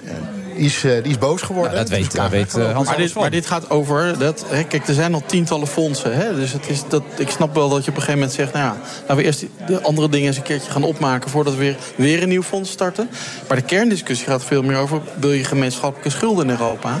En daarvan heeft Rutte, maar ook Hoekstra steeds gezegd. dat willen wij niet. En dat is terecht, toch? Lijkt mij. Nou ja, kijk, ik bedoel, het hangt er vanaf wat je, doel, wat je doelstellingen zijn, hoe je het afspreekt met elkaar. Maar in principe eh, hebben we de afgelopen jaren gezien dat de, zeg maar, even het noordelijke deel van Europa hervormd heeft en het zuidelijke deel niet. Ja, en dan krijg je verschillende snelheden en dan gaat natuurlijk een groter deel van die schuld gaat naar die landen die juist hervormd hebben. En daar zit de pijn. Maar die ruzie heeft verder geen invloed op de samenwerking, neem ik aan. Hè, in dit fantastische Ja, kabinet. er, schijnt, eh, er schijnt nog veel vaker ruzie te zijn uh, binnenkamers. Uh, maar ze moeten met elkaar verder. Ze zijn eigenlijk Het is aan toch ook prima dat er af en toe een beetje ruzie is. Dat uh, is toch Lekker toch? Ja, Beetje zeker ruzie, met partijen. Beetje knetteren. Ja, Ja, bij, we bij gaan zo meteen Jamie nog en, even- en, en Steven Kazan gebeurt het dus niet. Maar die hebben een hele leuke relatie. Maar het kan heel goed werken, toch? Nou ja. beetje, beetje power erin. Het, het hoort wel bij politiek natuurlijk. Ehm, als je grote ideeën hebt, dan moet je ze groot presenteren. En uiteindelijk kom je tot een compromis. Eh, dus het kan inderdaad werken. Maar ik denk wel, als je kijkt naar het karakter van Kaag en naar wie Rutte is, ja, eh, dat zijn twee hele andere figuren zijn dat. En ik denk Hoe, Kaag hoe verklaar je dat ze nu toch weer in de peilingen bovenaan staan, de VVD eigenlijk? Dat is toch opmerkelijk weer. Ik wil even de aanval op links geopend. Dat hebben toch mensen niet meer in. Hoe kan dat nou? Gebrek aan alternatief. Eh, Mensen voelen alsof er geen alternatief is. Nou, ik denk dat er wel een andere verklaring is. Kijk, er zijn, die onzekerheid is natuurlijk groot. Hè? Ook over de, met de burgers over een... eh, Nou ja, kan ik mijn boodschappen nog wel betalen? En in onzekere tijden gaan mensen toch vaak kiezen voor wat ze kennen. Nou ja, ze kennen Ja. de VVD En als hij al dan roept, de, de, het linkse blok gaat negen belastingen omhoog gooien... dan denkt iedereen, oh mijn god, dat, eh, dat willen we niet. Terwijl het in heel veel mensen het voordeel zou kunnen zijn, ook weer. Maar het zit nu toch, toch te- bij de mensen tussen de oren. Hè? Dat die negen plan heeft hij natuurlijk heel slim eh, neergezet. Ja. En ik denk eerlijk gezegd, als we heel eerlijk zijn... kijk, we, het gaat macro-economisch helemaal niet zo slecht met Nederland. Hè? Bedoel, Iedereen heeft een baan. We hebben nog nooit zoveel mensen in Nederland een baan gehad. Onder de motorkap hebben we natuurlijk alle uitdagingen. Maar Ja. macro-economisch... Mooie uitdagingen, ja. We hebben de grootste loonstijging in, na de Tweede Wereldoorlog achter de rug. Absoluut. Ja, voor werken is het gouden tijd. Maar ook even over uw achterban van de MKB'ers. eh, ehm, vindt u in algemene zin dat zij begrip hebben eh, voor de wat grotere trend die natuurlijk over de hele wereld gaat? Hebben we afgelopen decennia hebben we gezien dat bedrijven het eigenlijk steeds makkelijker eh, werd gemaakt. Hè? Dus de belastingen op winsten zijn steady omlaag gegaan. Hè? De, de, de, de koers was natuurlijk heel erg pro-grote bedrijven. Eh, bestaat er ook een zeker begrip en bereidheid om wat in te leveren... en begrip voor het toch weer eh, aanbreken van een andere tijd bij uw achterban? Ja, dat hangt er heel erg vanaf welk deel van die achterban je het over hebt. Kijk, er is een deel wat natuurlijk in coronatijd het heel lastig heeft gehad. hè. We hebben nog 20 miljard belastingsschuld alleen al bij het MKB... wat nog terugbetaald moet worden. Ja. Dat zijn ondernemers die hebben weinig reserves. Die kunnen heel moeilijk lang vooruitkijken. en die kunnen moeilijk aan ze- personeel hadden ze ook niet zo moeten steunen destijds. Dat is veel te royaal geweest natuurlijk. Maar, maar goed, die discussie hoeven we nu niet over te doen. nog- Nederlands geen antwoord op geven ook. En, maar het gaat, laten we eerlijk zijn, ook voor een deel van de bedrijven hartstikke goed. Ook in coronatijd. Als je in de ICT zat of in de hè, arbeidsbemiddeling. Nou, waren gouden tijden, zeg maar. Je ziet nu wel een bewustwording. Veel meer, vind ik, dan toen ik startte met ondernemen 30 jaar geleden. Hè, dat je ook die maatschappelijke verantwoordelijkheid hebt voor alle zaken. Veel meer dan, dan, dan nog eens mijn generatie. Ik zie bij mijn eigen, hè, mijn eigen kinderen, die zijn eind 20. Nou, die zitten heel anders erin dan, dan ik, zeg maar. Eh, dus daar ben ik eigenlijk best positief over, eerlijk Ja. gezegd. Ik vind dat, dat er een generatie ondernemers nu opkomt... Ja. die die bewustwording veel sterker heeft. Maar zelfs met dat bewustzijn zegt uw achterban... het gaat nu wel heel snel eh, en we worden, het wordt ons nu wel heel moeilijk gemaakt. Nou, er komt veel tegelijkertijd op ondernemers af. Ja. Eh, en er is ontzettend veel onzekerheid, er is veel regeldruk. En als je natuurlijk onzeker bent en je kan de mensen niet vinden om het werk te doen... eh, en je kan de financiering niet krijgen om die slag naar die verduurzaming te maken... ja, Dat, dat, dat geeft gewoon een gevoel van, ja, waar ben ik aan toe? Nou, we gaan zo nog even door in deze uitzending. Ja, zo heet dat woord inderdaad. Dan neem je de goede en de slechte momenten in mee. Ja. Dan neem je een bepaald risico. Ja. Eh, was het je eigen kapper trouwens, Leonard, of ben je naar een andere kapper gegaan? Eh, ik ben naar mijn eigen kapper gegaan. En die heeft er gewoon rigoureus de schaar in gezet en gezegd, we doen het helemaal anders. Ik zeg, doe het, eh, doe het even anders. Ja, ik, eh, ik heb me laten verrassen. Zonder dat het radio is eigenlijk. We praten zo weer door.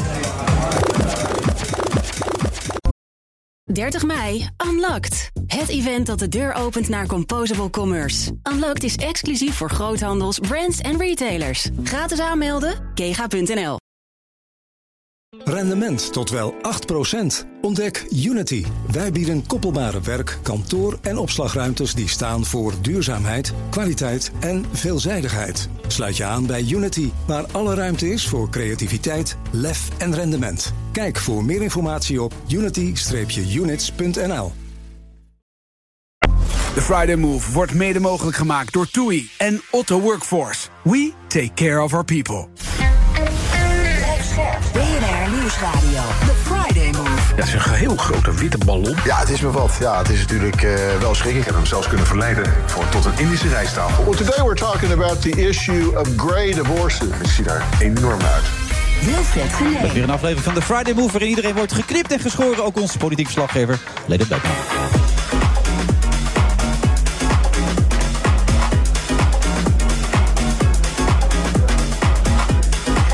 Snel dichterbij, Leendert, wat dat betreft, die verkiezingen. Eh, Ja. Nou, de kop is eraf natuurlijk, met de VVD die eh, met Schippers en eh, Rutte even een, een bommetje heeft gegooid. Wat is jouw verwachting voor de komende weken eigenlijk? Nou, de verwachting is wel dat het een tweestrijd gaat worden. En dat vooral de Eerste Kamerverkiezingen centraal komt te staan. En dat vind ik persoonlijk vind ik dat jammer. Omdat de provincie, er valt nu echt wat te kiezen. De provincie gaat over ruimtelijke ordening. We hebben een stikstofprobleem, energietransitie, woningentekort. Gaat de provincie allemaal over. En je ziet nu toch een beweging in Den Haag. Dat ze het eigenlijk weer over elkaar willen hebben. En eh, het moet een referendum Rutte 4 gaan worden.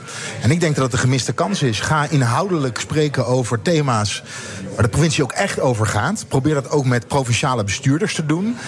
En kies ook voor die provinciale thema's. Ja, en ehm, het gaat toch in ieder geval de grote landelijke partijen zullen proberen om het over elkaar te hebben. En dus over wel of geen belasting gaan betalen.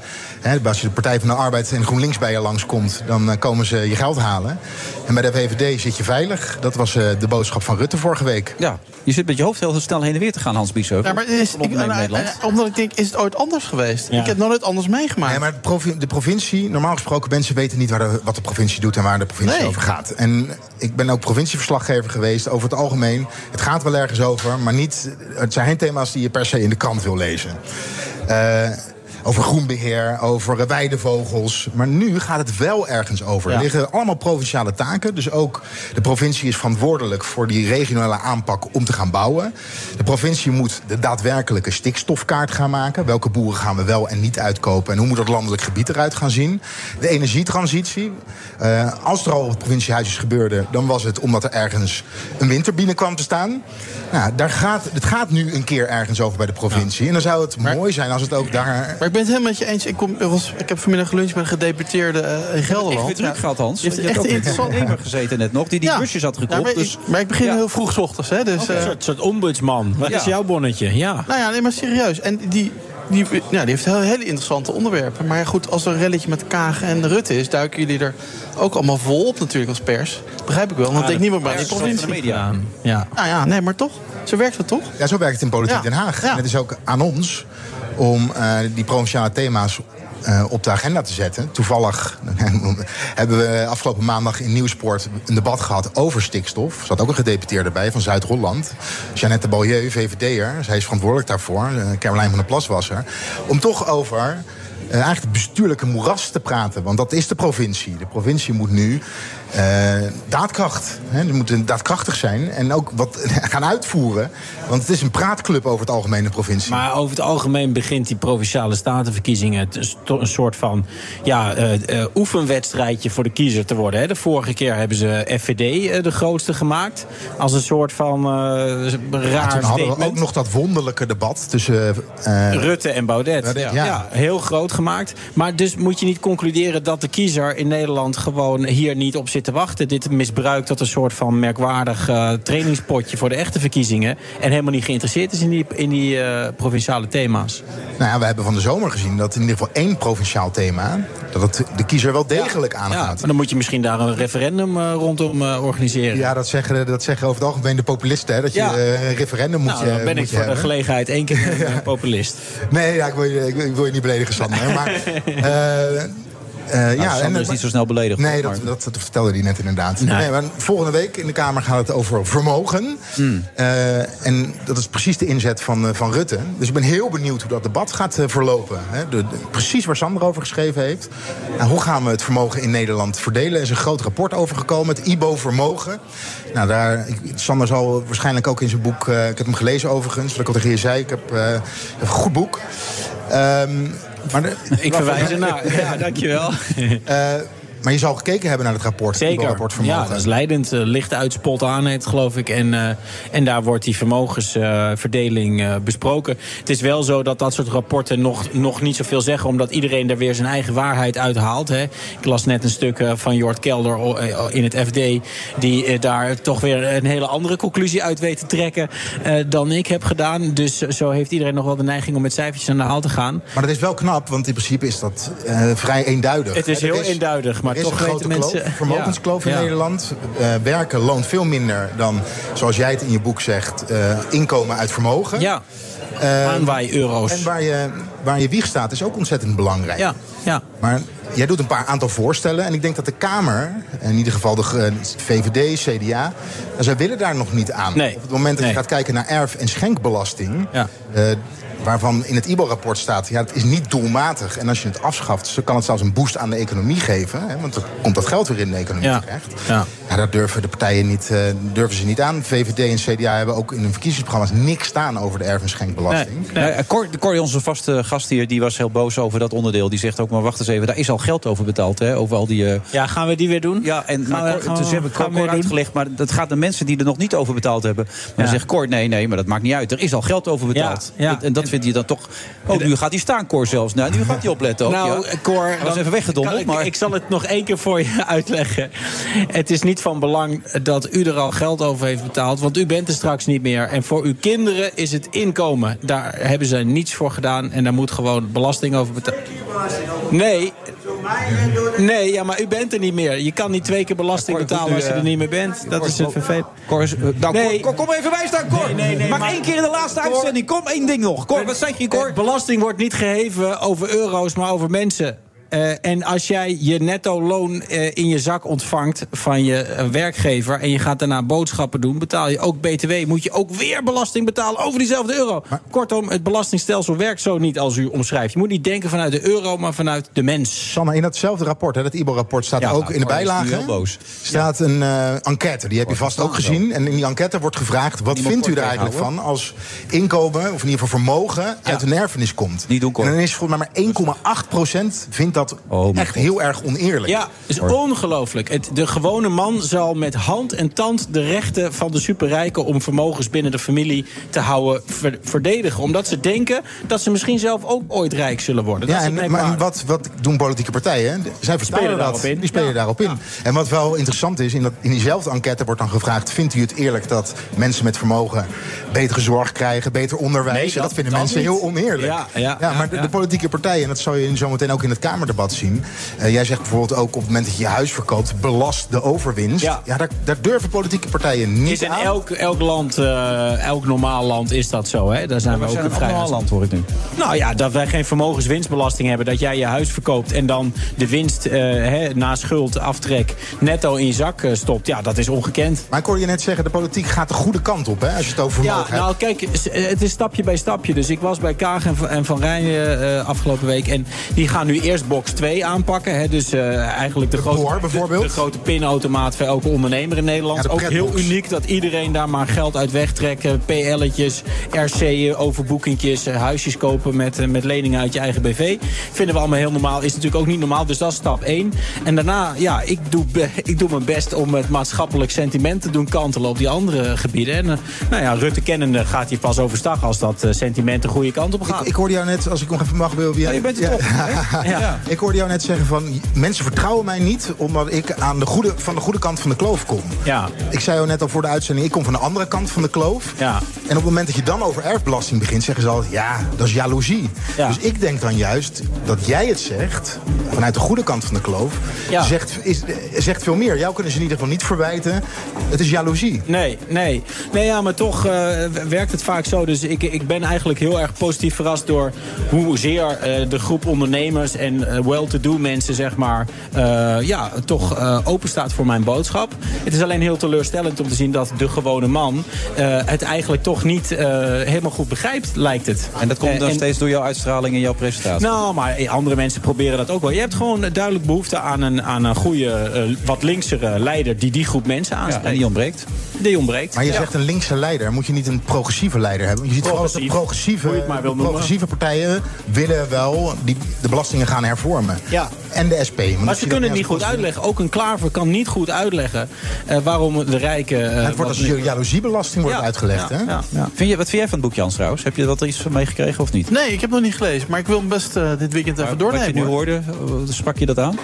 Nou, ik Of vind het heel je- goed. Zat Nou, je ik- gelijk met de billen samengeknepen? Want dat nee, indruk had ik een nee, beetje. dat heb ik sowieso niet zo snel. Oh, maar ik vind het heel goed dat het debat gevoerd wordt. Ik Ja. denk dat het heel verstandig is dat dat gebe- gebeurt. Je kan er allerlei ideeën over hebben, maar dat het op de agenda staat, vind ik heel Ja, goed. ja. En het is, het is een ondernemende boodschap. Want ik pleit niet voor het groot herverdelen. Ik pleit voor investeren in mensen. Want dat Hmm. in is plaats een- van repareren. In plaats van repareren. Als je mensen vertrouwen geeft, als je ze echte kansen geeft... is dat de beste investering die je als overheid kan doen. Ik ben ook een ondernemer, dus ik denk dat de, eh, dat de overheid... ook best wat ondernemender zou kunnen zijn. Nou, mooie laatste woorden. Ja, Cor is het heel, totaal niet mee eens. Je moet misschien even bij Cor gaan zitten zometeen. Maar Hans, bedankt. Graag gedaan. Ben je nu klaar of moet je nog allemaal dingen doen nu?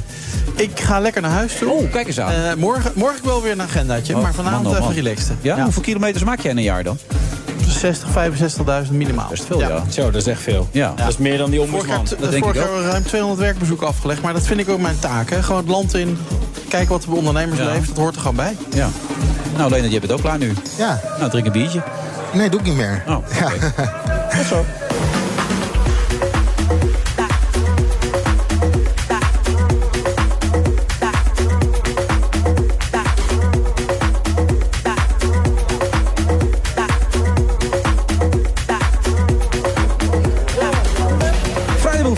Februari. Eh, we zitten nog steeds in de Sky Lounge. Dat is ook logisch, want je gaat hier niet zomaar weg. Dat doe je pas na afloop van deze uitzending. Dan ga je naar een andere uitzending toe.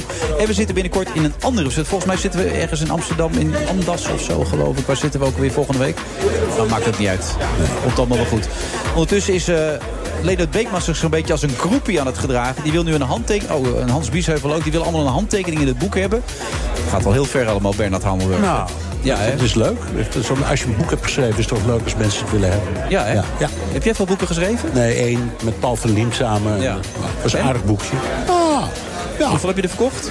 Dat weet ik niet meer, een paar duizend. Ja, Ja, zo is maar het er waren gaat. wel een aantal mensen die hem heel graag wilden hebben. Ja, ook. Ja, ook, ook. dat is belangrijk. Ja, ja, zeker. Zijn er veel dingen die jou bezighouden op dit moment, eh, Bernhard? Of is er iets dat er bovenuit springt?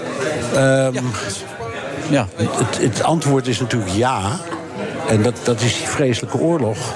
Ja. En daar, daar, daar top ik, het klinkt een beetje gek, maar daar top ik wel eens een beetje mee. Omdat het zijn natuurlijk journalistiek voor een station als BNR bijvoorbeeld. Toch hoogtijdagen. Dagen, Mm. En er wordt enorm naar geluisterd. En tegelijkertijd, omdat ik zo lang oorlogsverslaggeving heb gedaan... en daar vaak over heb getopt... heb je ook iets van gêne. Van, er gebeurt iets vreselijks. Maar je krijgt toch een soort adrenaline... om alles erover te verzamelen en te vertellen.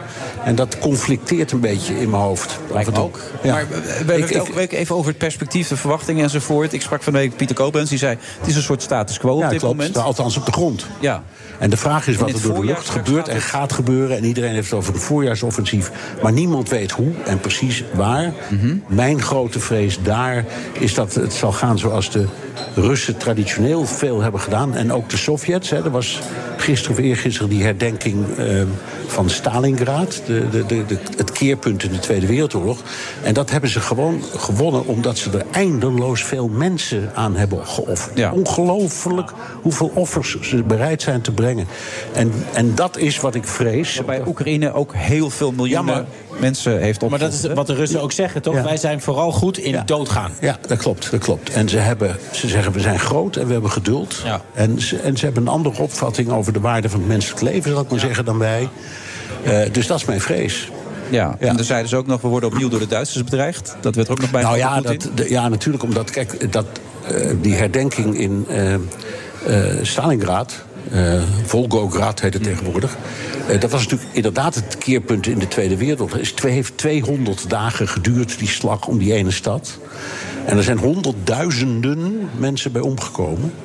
Ehm, en zij zeggen, wat er nu vanuit de Oekraïne komt, dat is een oorlog tegen ons. Het is niet een oorlog van Rusland tegen Oekraïne, maar van Oekraïne tegen ons. En dat zijn, eh, dat zijn ook weer naties. Dus we hebben weer precies hetzelfde verhaal terug. Daar komt het, dat is hun En er vrede. wordt ook gevreten in, eh, in, in Nou, Rusland. vanaf waar je, waar je kijkt. eh, niet, niet zozeer in Moskou en, en, en Petersburg, daar valt het nog wel mee. We hebben heel veel mensen met een VPN en die, kijken, die kijken en horen over andere dingen. Ja. Maar ik denk, die grote, de overgrote deel van die 140 miljoen Russen... die wonen in Omsk en Irkutsk en waar dan ook. En die hebben alleen maar de staatstelevisie, dus die geloven dat, ja. Ja. En ondertussen moet het ook over een ballonnetje hebben. Ja, een ballon, een ballon, een Ja. ballonnetje. Moet even een ballonnetje oplaten. Ja. Ja. Ehm, een geweldig verhaal. Eh, Ja. Er was dus plotseling, werd er waargenomen een ballon, heel groot hoor. Die zit op, ik geloof, 37 kilometer Ja, hoog. dat is een grote ballon als je Dus dan nog... eh, Een hele grote ja. ballon, ja. Ja. Eh, met allerlei apparatuur die eraan vastzit. eh elektronica. En die werd dus aangetroffen eerst boven Canada... en uiteindelijk boven Montana, de Amerikaanse staat Montana. En toen werden de Amerikanen een beetje zenuwachtig... want dat is een van de drie plekken... die, die staat is bijna onbewoond. Het is de, in, in omvang de, de, de op twee na grootste staat van Amerika... maar er wonen maar 900.000 mensen. Dus daar zit een van die beruchte silo's... Oh ja. waar die eh, intercontinentale raketten in zitten. Voor als er ooit eh, de definitieve oorlog uitbreekt. En daar hing ik boven. Dus de Amerikanen zeiden, ja, dat is spionage. En toen zeiden, eh, da- daarom denk ik ook wel dat het waar is... toen zeiden de Chinezen eerst, van, joh, dat hebben we helemaal niet nodig. We hebben zat satellieten. Als we jullie willen bespioneren, dan doen we dat met onze satellieten. En vervolgens zeiden ze, nee, nee, sorry, het is een eh, weer...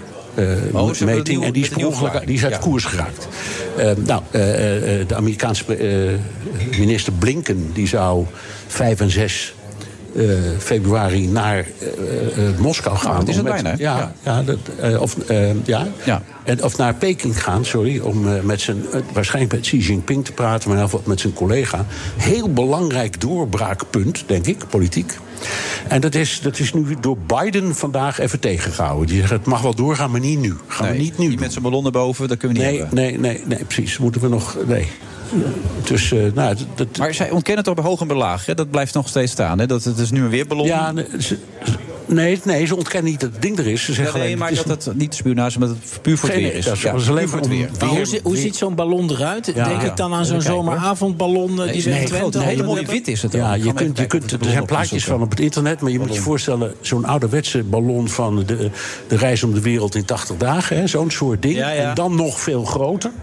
En daaronder hangt een paneel met, eh, om zonne-energie op te vangen, om te fotograferen, Ja, ja. Om, om opnames te maken. Ja. Dus het is echt een enorm ding. Kijk hier, mooie witte ballon is Ja. kun, je dat, kun je dat uit de lucht schieten? Nee, ja, dat, dat, dat wilde eh, eh, Biden en consorten wilden dat. Ja. Maar het Pentagon heeft gezegd, dat doen we niet. Want het is zo groot dat ehm, eh, de rotzooi die daarvan naar beneden komt, is gevaarlijk. Oh, ja. En Montana is wel dun bevolkt, maar er wonen toch 900.000 mensen. Dus het zal je net gebeuren. Ja, het zou je maar net gebeuren dat je het ene stuk van het ding op je hoofd krijgt. Dus Ja. dat, dat, hebben ze, dat, dat doen ze dan niet. Maar volgens China-expert Jonathan Holslag zitten we in een nieuwe Chinese spina- Ja, dat, dat, dat kan. Eh, maar we moeten niet net doen alsof, alsof de Amerikanen of wij dat niet doen. Hè? Dat, dat, dat, het gevaarlijke bij dit soort dingen We hebben, steeds, we hebben het over die vreselijke Russen die, die het, het, het vrije Westen van alles aandoen. En de Chinezen die ons van alles aandoen.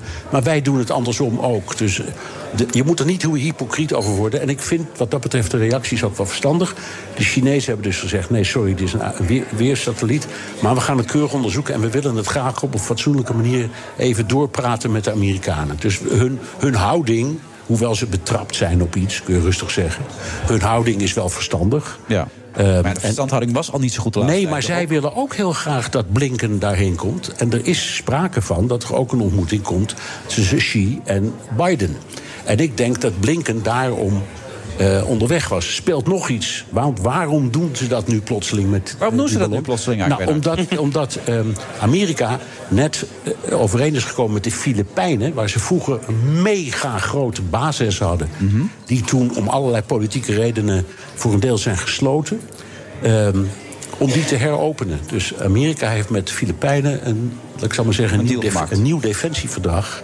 En dat, dat is aan de, aan, de, aan de voordeur van China. Ja, die zitten er niet op te wachten. Nee, die willen dat helemaal niet. Dus ik, misschien heeft het daar ook mee te maken. Maar zoals laatst met ASML had, dat Rutte daar was... dat werd gezegd, eh, niet meer met Chinese bedrijven... alles moet anders enzovoort. Dat valt heel slecht in China Dat natuurlijk. valt heel slecht in China. Bovendien is het niet realistisch. Hè. Je hebt, eh, dit, dit is een frame, allemaal. Hè. Allemaal- Maar de werkelijkheid is dat die economieën... eh, zo ongelooflijk aan elkaar gekoppeld zijn. De Chinese en de Europese en de Amerikaanse. Dus je kan wel van alles roepen. Ik, ik geef altijd als voorbeeld... 90% van alle in Amerika geslikte antibiotica komt uit China. Nou kunnen de Amerikanen best zeggen, daar stoppen we eens mee, we gaan het zelf weer doen. Maar dan wordt zo'n pilletje wordt zeven keer zo duur. Ja. Er is dus ook een reden waarom dat zo is ontwikkeld. Dat is niet allemaal slecht. Het is ook. De globalisering, waar dat een onderdeel van was, had ook zijn goede kanten. En nu trekt iedereen zich een beetje van die globalisering terug. En wordt het beeld van China, dat vroeger gewoon een, go- een goedkope land, eh, lonenland was, nu plotseling gezien als een grote bedreiging, als zelfs als de, de, grootste. de, de globalisering is natuurlijk ook een reden juist om elkaar niet aan te vallen. Nee, Hè, om om eh, van Ja. elkaar afhankelijk te zijn. Dat is eh, eigenlijk de beste garantie op wereldvrede. Ja, Jawel, maar goed, zowel Xi als Poetin hebben wel een punt. Die zeggen vroeger, een tijdje lang, sinds de Koude Oorlog, dachten we dat er een, een unipolaire wereld was. Er was maar één supermacht. Maar dat is niet waar. Het is een multipolaire dus- en su- dat vinden ze wereld. best lastig, die Amerikanen En de. Amerikanen vinden dat heel lastig. Ja, Ja. ja. dat klopt. Want ik, ik begreep ook dat zei de topman van Shell gisteren... toen er 40 miljard bekend werd gemaakt aan de winst die ze hadden binnengetrokken... van ja, kijk, dat met dat gas, dat vloeibare gas... zeker, die, die, economie, de economie in China lag een beetje op zijn kont vanwege corona... maar die gaat nu volle bak weer. Dus tuurlijk. al dat gas gaat er naartoe, daar moeten we rekening mee houden. Dus we gaan niet te veel op groen inzetten. We gaan vooral op eh, gas weer inzetten... om weer eh, te zorgen dat Europa ook wat heeft. Maar heb je dat gevoel dan ook, dat dat ook een eh, factor gaat zijn straks? Ik, ik, ik denk dat het, het is gewoon objectief waar. Ze hebben een ongelofelijke hoeveelheid aan olie nodig en gas. Het is een groot land, met zelf weinig bronnen. Dus ze kopen het allemaal in. En het- is ook een beetje de pot verwijt ketel. Want tot, eh, ik zal maar zeggen, 23 februari eh, van het vorig jaar... eh, leefden wij ook helemaal compleet op Russisch gas. Ja. En nou plotseling doen we alsof dat niet meer deugt. En de Chinezen zeggen, wacht even, er is geen oorlog met ons. Wij zijn niemand binnengevallen. Dus laat ons eens lekker ons gaan gaan. Ja, maar dan pakken ze al het gas en alles, alles spullen die wij nodig hebben. En dan En, en dus, in en dus verdienen alle maatschappijen die daar in die gaswinning, exploitatie en exploratie betrokken zijn, die verdienen zich helemaal het schompers. Dus de, de lachende derde zijn de aandeelhouders in dit geval. En ondertussen wordt er doorgevochten in Oekraïne. Wordt de situatie in Iran er niet beter op? Zijn die allemaal in Iran? Wordt er ook niet beter op Nee, allemaal? dat, is, dat blijft heel spannend. eh, omdat eh, we hebben er heel vaak over gehad. En elke keer als daar een revolutie, contra-revolutie lijkt te ontstaan, dan wordt die neergeslagen. En het duurt nu al heel lang en het verspreidt zich over het hele land. Het is niet alleen meer boze vrouwen, maar ook boze mannen. Het heeft steun in het buitenland. Dus voor het eerst, je weet, ik was erbij destijds. Ik heb die revolutie daar helemaal meegemaakt. Het is voor het eerst dat ik nu denk, het zou best eens kunnen gebeuren. Ja, denk je echt? Ja, het zou best eens kunnen gebeuren. Ja, ze- dus dat de laatste weken regelmatig mensen hier, maar ook bij ons op tv, de uitzending zeggen... ze zijn de angst voorbij. Ja. Met niemand is bang meer. Nee, heel veel mensen denken, nou, eh, laat maar komen dan. Ja. ja. Bijzonder. En je kan moeilijk het hele volk opsluiten of vermoorden. Er is op een bepaald moment een grens die je bereikt. Ja, maar En nu mag het is, niet het is, Ja, ik mag het op mijn leeftijd zeggen. Maar die, die, die, die, die top daar in, in Iran is een geriatrische instelling. Dat moet een keer weg, joh. het is wel moeten waar. gewone mensen komen.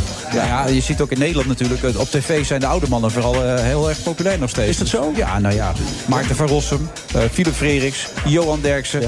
Noem ze maar. Dus, en, en, Maar nou, die- Bernard daar zit hij. Nou, zo vaak ben ik niet op de tv. Maar je, je- je noemt ze nu in één keer allemaal. Heb je ze allemaal gehad ook? Nee, volgens mij zijn er wel meer. Nou, maar ook, ook in Hilversum, het is dan wel niet te vergelijken met Iran qua problematiek. Maar gaan ze er wel langzaam uit. Ja. Ja. Maar die mensen houden er aan Het is trouwens niet, het is niet de kwestie van leeftijd. Het is een kwestie van meedoen met de tijd en begrijpen wat er leeft. En dat is de grote fout die die moela's in Iran maken.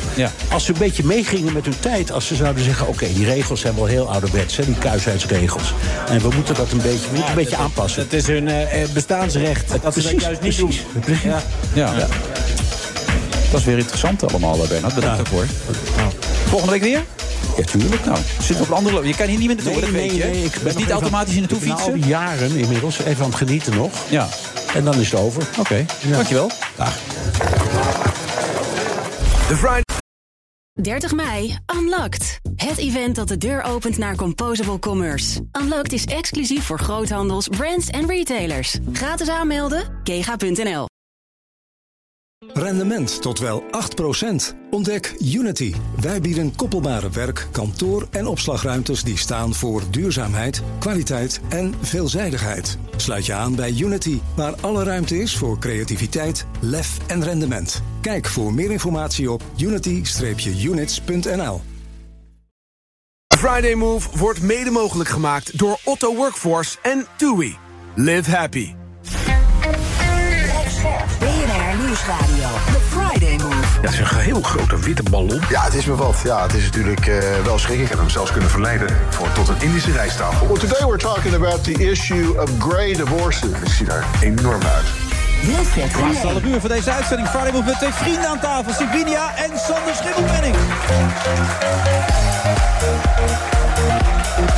En een live enthousiaste midden vier in de Skyland. Op eerbetoon aan deze prachtige ruimte die straks niet terug zal. Want als u hier weer boven komt, dan schijnt het één hele grote bak te zijn. En daarin kunnen wij dus onze uitzending niet maken. Want ja, mensen komen hier natuurlijk alleen maar als fijnproevers. Als mensen voor de inhoud, als gratis wijn er is. Dat is ook heel belangrijk voor heel veel mensen, heb ik de indruk. Maar dat maakt verder niet uit. Sander, heel goed dat je er nog steeds zit. Ehm, hoe ben jij met Siep, Sibinia? Eh, eh, Siep is volgens mij een hele eh, keurige meneer. die weliswaar een geluid vertegenwoordigt waar ik het niet altijd mee eens ben. Maar tot nu toe het lijkt het me een hele aardige meneer. Ja? Maar wat, wat is iets waar je het niet mee eens bent, man? Nou, eh, meneer Winia eh, heeft wel de neiging om... We hadden, we hadden gezegd dat Oh, Siep. je ging Siep, zeggen. Siep, Siep. En nu dit. Eh, Siep, Siep, Siep eh, heeft wel vrienden eh, en heeft wel de neiging om aan te schurken tegen Oh, politieke... komt Vier Duk weer voorbij nu? N- nou, ik, eh, eh, eh, Siep, ik vind het heel moeilijk om Siep te zeggen tegen u. Ga, maar, ga het gerust doen. Je mag ook u zeggen en Siep. Siep, ik doe u en Siep. Eh Siep eh, schuurt wel eens tegen mensen aan waar ik mijn bedenkingen bij heb. Ja, dat klopt. En daar is Wie Duk eentje van. Nou, maar ook in het verleden FVD en eh, allerlei klimaatontkenners en dat soort eh, types. Mag ik Dus- meteen inhaken? Ja, je bent het Ik- toch, Siep? Nou, daarom. Ik zeg ook Siep, hoor.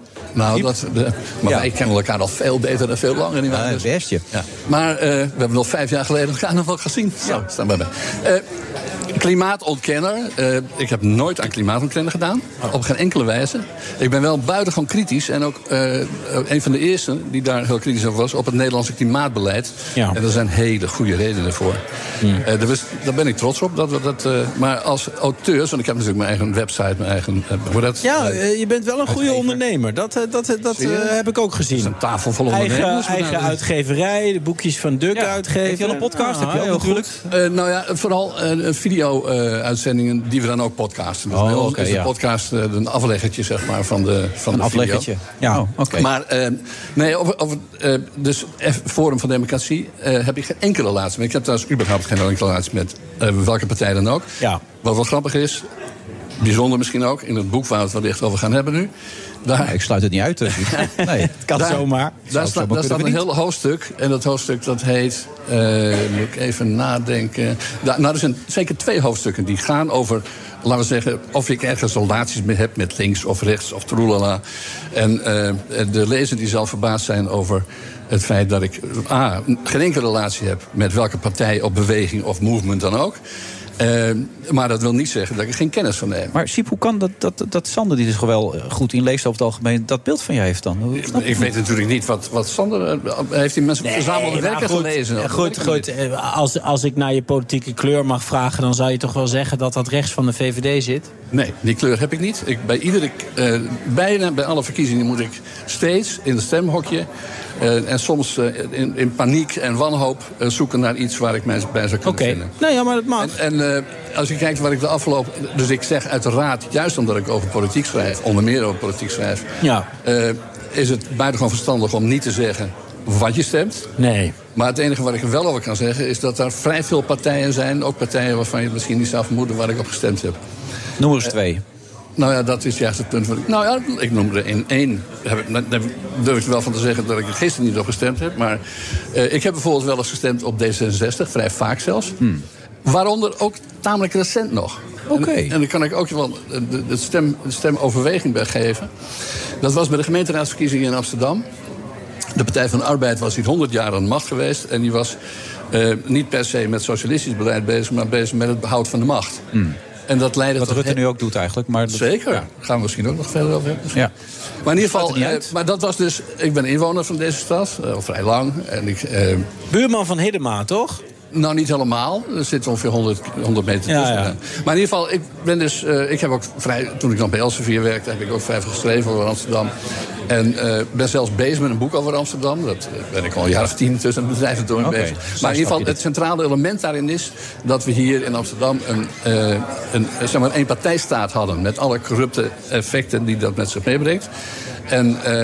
En daarom, eh, er was maar één partij die daar tegen in opstand kwam en kans maakt om dat te doorbreken. Dat was D66. Dat is een goede reden. Strategische stem. Nou, iedere stem is een strategische stem. Ja. Maar dat is nu met GroenLinks helemaal opgelost hier in deze stad? Het systeem, weet al wat? Nou, tot op zekere hoogte, dat zou even blazen. Ja, nou, Nou, als er een rapport uitkomt dat met name mensen van de allochtone achtergrond eh, de homo's aanvallen. En dat wordt onder de vloer Nou, ik, eh, ik ga dit regime eh, waaronder wij nu, nu leven in Amsterdam niet toejuichen. Maar het pure doorbreken van, van een bolwerk. dat kan ook een of zelfstandig een nuttige functie hebben. Oké, even omgekeerd. Hoe kijk je naar Sander en zijn verhalen? Bijvoorbeeld het boek wat hij nu uitgebracht heeft, de manier waarop zich profileert. Nou, dat, ik zie dat het een stuk dunner is dan het mijne. Ja, Precies. een stuk leesbaarder. Ik heb minder woorden nodig om mijn punt te maken, Siep. Nou, dat staat niet vast. Nee, dat weet je niet. Er staan er heel veel punten in namelijk. Maar, dat ik, zou maar ik, kan dat, ik kan er ook niks over zeggen. Ik heb wel ergens een kop gezien dat, dat Sander, eh, iedere jongere, is, of iemand van 18, ik weet niet- 25. 25, een ton moet krijgen. E- Eenmalig moet ik aannemen, toch? Zeker. Dat heb ik meegekregen. Een startkapitaal. Mensen emanciperen door hen een vermogen te geven... zodat ze met geld leren omgaan. En niet om een Ferrari te kopen, maar om studie te Nee, volgen. om een En- eigen bedrijf te beginnen. Ja, goed, dat heb ik meegekregen. Ik, ik kan wel zeggen dat ik er veel meer van af weet, maar dat is niet zo. En wat vind je van dat idee? Eh, eh, het eerste wat mij te binnen schoot is dat GroenLinks, eh, de partij waar ik kwam net al even langs, eh, dat GroenLinks eh, dat in het verkiezingsprogramma heeft staan, maar dan gaat het over 10.000, ja, dat is net niks. Dat schiet niet op. Nee, dat zou ik ook zeggen. Hoewel ik met 10.000 erg blij was geweest als 18-jarige. Ja, maar 25. je bouwt er geen leven. Ja, 25. En de Ja. tegenprestatie is een maatschappelijke diensttijd op je 18e. Oké, nou ik ben niet zo voor eh, eh, overheidsingrijpen in het privéleven. Eh, en daar hoort dit voorstel Heb waarschijnlijk jij ook bij. nog eh, dienst eh, gedaan? Daar Ja, en ik heb er verdomd veel moeite voor gedaan om eruit te komen. En dat is gelukt. En dat is gelukt, dat, dat, dat eh, kon. Het was wel trouwens in die tijd een werd je vreselijk gewaarschuwd... omdat je eh, dan de rest van, je leven, van je leven geen carrière... je zou nooit bij de overheid kunnen werken. Nou, Kom je vaak in de media terecht. nou zie je. Ja, En, eh, ja, ja. Maar, maar Ah, goddank niet Maar bij waarom wilde je daar zo graag onderuit? Want het is toch heel eervol om in dienst te gaan voor je land? Nee, dat vond ik niet. Ik vind, ben altijd tegen de dienstplicht geweest. Eh, als je b- voor vrijheid bent, ben je tegen plicht. Maar als je voor het collectief bent, dan eh, wil je daar misschien ook wel een jaar voor inzetten. Als je voor het collectief bent, en daar ben ik niet tegen... eh, dan betaal je keurig belasting, zodat je een beroepsleger hebt... dat effectief Ah, kan optreden. Dus mijn belastingplannen, wat hogere belastingen op vermogens en erfenissen, daar bent u dan wel voor? En dan ga je alweer over... Maar goed, ik doe het niet meer. Je? Ja. Eh, ik ben niet voor de hogere belastingen, sterker nog. Eh, ik denk dat als er de belastingen... De, collectieve lastendruk, hè, dat is een mooi, mooi, eh, mooi het, criterium in dit geval... die is in, onder de Rutte-kabinetten ieder jaar ongeveer met een procentpunt omhoog gegaan. Ja. En dat, eh, daar wordt het land niet beter van. Ja. Daar wordt het land slechter van. En daar worden ondernemers slechter van. Wordt trouwens ondernemen in het algemeen slechter van. Hmm. En dat is wat er niet moet willen. Trouwens, dat is al problematisch genoeg. Hebben- Ze zijn bijvoorbeeld ook bezig om eh, ZZP'ers... wat wij misschien allemaal zijn hier aan Mhm. tafel, dat weet ik niet, maar goed, zoiets. Eh, eh, de, de belastingdruk op voor ZZP'ers te verhogen, begrijp ik ook helemaal niks van. Dus het is heel aantrekkelijk om veel ondernemers te hebben, ook kleine ondernemers te hebben. Dat maakt het land niet alleen ondernemend en welvarend, maar ook flexibel. Ja. Dus waarom dit kabinet, waarvan mensen... Maar ik heb het over vermogens, eh, winsten en erfenissen. Dat heeft niets met ondernemerschap te maken. Oh, dat kan, daar heb ik geen kennis van genomen. Oh, oké. Maar dat staat in jouw boekje? Dat is een boekje. Ik ga het straks eh, tekenen. Dan eh, Nou, krijg, je dat Eh, mee. dus nee, ik weet dat je... Maar goed, kijk... Ik neem een bitterbal, wel- dan kunnen jullie over het zijn... Kijk, oh ja, het kijk nee, maar ik, ik, gun, je het thema, daar gaat het niet om. Maar ik vraag me alleen af, als Jesse Klaver 10 mil wil en jij wilt een ton, waarom dan geen miljoen? Snap je? Dus het, eh, hoe wilder, hoe beter, kun je ook zeggen. Dus, eh, Omdat een ton een bedrag is waarmee je echt eh, je leven kan beginnen. Dan kun je een huis kopen, kun je een bedrijf beginnen. En die kan geen bedrijf beginnen met 10.000 euro. heb je, heb je, bestaan er landen waar er gunstige ervaringen met- bestaan met dit soort plannen? Nee, eh, het is ook een vrij radicaal idee, geef ik onmiddellijk toe. Ja. Ehm, Moet je maar oppassen met utopie, vind je niet? Nou, vind ik niet. Ik vind, ik, ik vind deze, het is allemaal doorgerekend. Kan, we kunnen het makkelijk betalen. Door wie, zeg maar? Het Instituut voor Publieke Economie, dat is een soort concurrent van het CPB. Dat is op zich nuttig dat hij bestaat, maar ik kende hem niet. Nee, nou, dan moet je verdiepen. zijn hele goede, slimme gasten. Eh, en die hebben dat allemaal doorberekend. En het kan makkelijk betaald worden als je alleen al stopt met het eh, fiscaal subsidiëren van onze pensioenen. Hè. Wij betalen geen inkomstenbelasting over onze pensioeninleg. En als je daarmee stopt, dan kun je dit gewoon betalen. Nou, het, Nou, eh, het boekje ligt hier, er ligt het lijkt me in alle opzichten een fantastisch plan. Maar in alle opzichten dan. Maar je bent voor je eigen boek gekomen natuurlijk. 70 actieve herinneringen aan een graaf gids- gi- gidsland. Ja. Actieve herinneringen is natuurlijk leuk, hè, gevonden. Hè, hè. Rutte, Daar niet leuk. altijd voor over hebben, maar Nee. mensen vinden het wel leuk. Dit was een inkoppertje, hè. die dacht je, die pak ik even mee. Wat wil je met dit boek bereiken? Eh, het verspreiden van mijn artikelen, dat is het eerste wat ik doe. Het verspreiden van, dingen, van mijn eh, uitvindingen. Ik ben natuurlijk al een tijdje journalist, verslaggever. Ja. Eh, onder meer als columnist, onder meer als uitgever ook van mijn, eh, van mijn eigen weekblad. Eh, twee, weken, twee keer per week weekblad zelfs. En het is me opgevallen dat, dat er heel veel mensen zijn die alleen naar de radio luisteren... of alleen naar podcast luisteren en kijken of niet. En er zijn ook mensen die graag verhalen willen... In de, in, of een boek, maar sowieso ja. op papier willen hebben. En de afgelopen jaren ben ik, eh, nadat ik, wat is het, vier jaar geleden vertrok bij Elsevier... eh verschijn ik in principe niet meer in druk. Maar er zijn heel veel mensen die er wel graag kennis van willen Hmm. Oh, je komt eigenlijk je, je publiek tegemoet. Dat is wat je eigenlijk wil, wil doen op deze manier. Zeker, dat is journalistieke marketing zou je dat kunnen noemen. Ja, hoe vind je ons land? Een gaaf gidsland staat hier. Hoe Ja. vind je het op dit moment? Eh, op zijn minst verwarrend. Het zijn op zijn minst ook woelige jaren. Het is niet uitsluitend in Nederland, maar zeker ook in Nederland.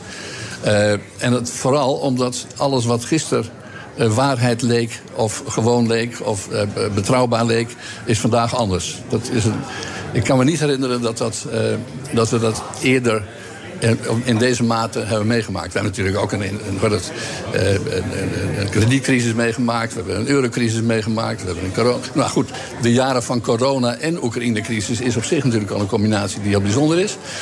Maar los daarvan hebben we nog eens een keer een overheidsbeleid, een regeringsbeleid. Dominante politici die vandaag dit zeggen, morgen dat zeggen. Ah, Excuus maken voor wat ze gisteren vonden en dan weer iets anders bedenken. Dus Wanneer waren wij in gidsland? Ehm, eh, is dat iets wat ik nog heb meegemaakt? Maar- ik kom uit 84. Eh, nou, zeker. Nou ja, de, de vraag is of we gidsland zijn. Eh, Nederland beoogt vooral gidsland te zijn. Dus het, in de jaren 70 was dat, was het heel populair om gidsland te zijn. Ja, We waren- eh, tijden, vooroplopen in, individuele vrijheden, seksuele vrijheden. Nadat we kort daarvoor nog een zeer achterlijk land waren. In mijn hoofdstukken gaat dat over. Dat, gaat over, dat heet dus vaatwasser. En dat gaat over de totale achterstelling van de vrouw in Nederland. Die nog steeds, daar schrijf je ook wel eens over trouwens. Zeker. Eh, eh, maar in ieder geval, dus daar, daar heb ik me, mijn hele leven al aan geërgerd. Maar heeft het niet meer meegemaakt, het gidsland? Dat, de- Jawel, 84? jawel want Ja? het beogen van het gidsland. Kijk, het was eerst. Het, het was eerst Jan Pronk en consorten. Die wilden door veel ontwikkelingshulp te geven... een voorbeeld te zijn van de rest van de wereld.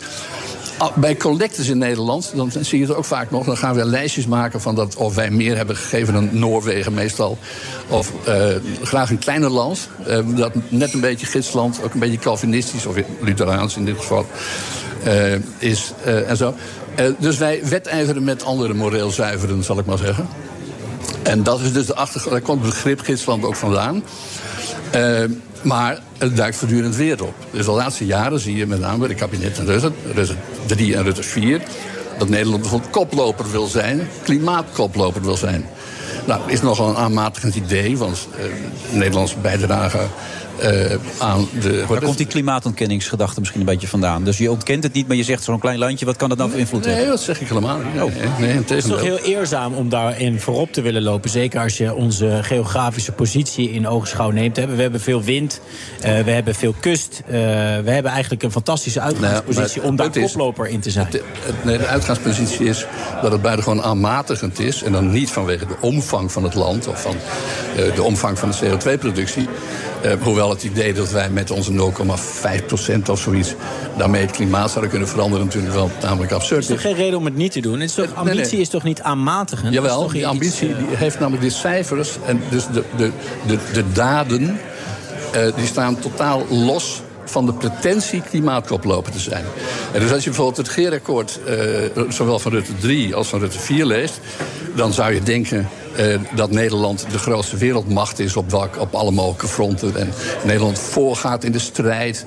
Nou, in de praktijk blijkt dat vaak helemaal niet het geval, te zijn. Dat lees je ook door, het, dwars door mijn boek heen.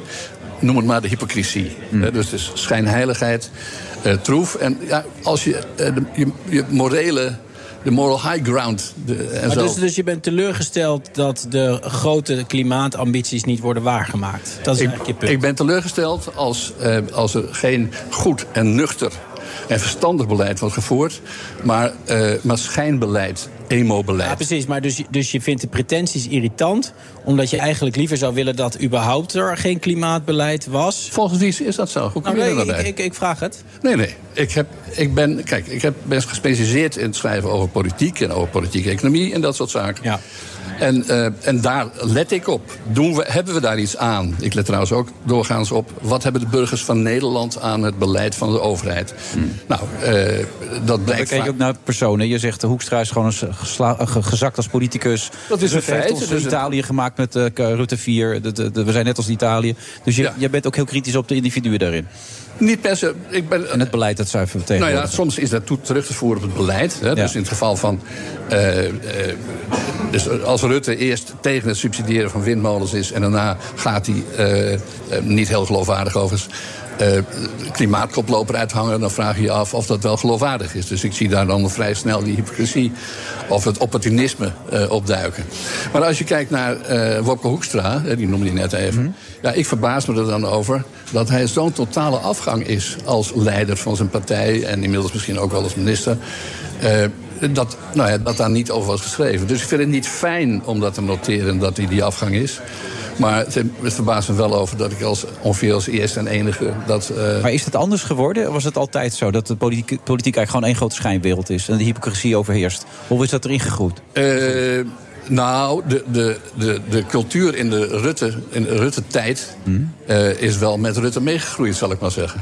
Eh, Daar heb ik in, overigens niet in dit boek, maar in een ander boek wel eens over geschreven. Dat de minister van Buitenlandse Zaken die af moest treden. Ja, dat, van de VVD, dat dat, eh, eh, dat dat ook wel wellicht, omdat hij een leugen had gepleegd. Hij was toch met Dutch, in de Dacia van, eh, van Poetin geweest zonder dat hij ooit in Rusland was geweest, geloof ik. Dat verklaar ik deels vanuit de cultuur die rond Rutte was ontstaan. Dus als het... Beetje blufferig. Nou ja, eigenlijk het idee van het is niet erg om te liegen als je er mee weg, maar mee wegkomt.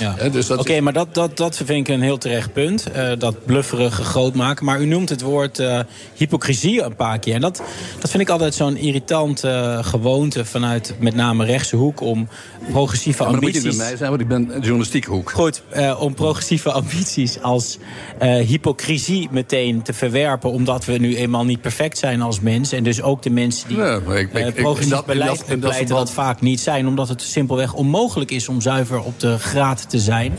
omdat we allemaal deelnemen aan, het, eh, aan de maatschappij zoals die nu is. Het probleem in Nederland is, in dit opzicht... dat, dat als je in Nederland de, de moral high ground... dus de, het, de, het eigendom van de goede bedoelingen weet binnen te halen... dat je dan vaak eigenlijk geen argumenten meer nodig hebt. Dus andersom werkt het ook zo. Als je de sul bent die er niet in slaagt om de goede bedoelingen... expert uit te hangen of eigenaar van de goede bedoelingen te zijn...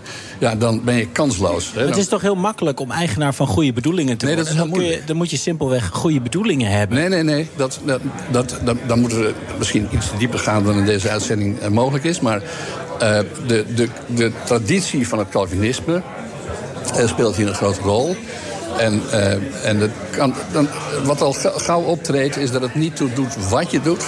maar of je daarbij de juiste bedoelingen hebt. Maar de juiste bedoelingen, er is vaak niet meer... wat meer tot oorlog kan leiden, zelfs wellicht in Oekraïne nu... als eh, dan de goede bedoelingen. Dus idealisme eh, die je niet per se te wantrouwen... maar wel nuchter te beschouwen. En dat ontbreekt eraan, zeg jij. Te veel. Nou ja, of eh, laat ik een klein voorbeeldje noemen. Eh, eh, in mijn, de nieuwe editie van mijn Wien als Week, morgenochtend, dus niet mijn boek deze keer, maar mijn, mijn weekblad, staat een stuk van Piet Emmer, hoogleraar geschiedenis, die als parlementair verslaggever heeft gekeken naar het debat over de slavernij-excuses. En eh, hij schrijft daar wat niemand schrijft, maar gelukkig schrijft hij het wel. Namelijk dat al die mensen die daar aan het woord komen op een enkeling na in de Tweede Kamer... die gaan allemaal historische hutspotjes zitten fabriceren... die stu- stuk voor stuk niet kloppen.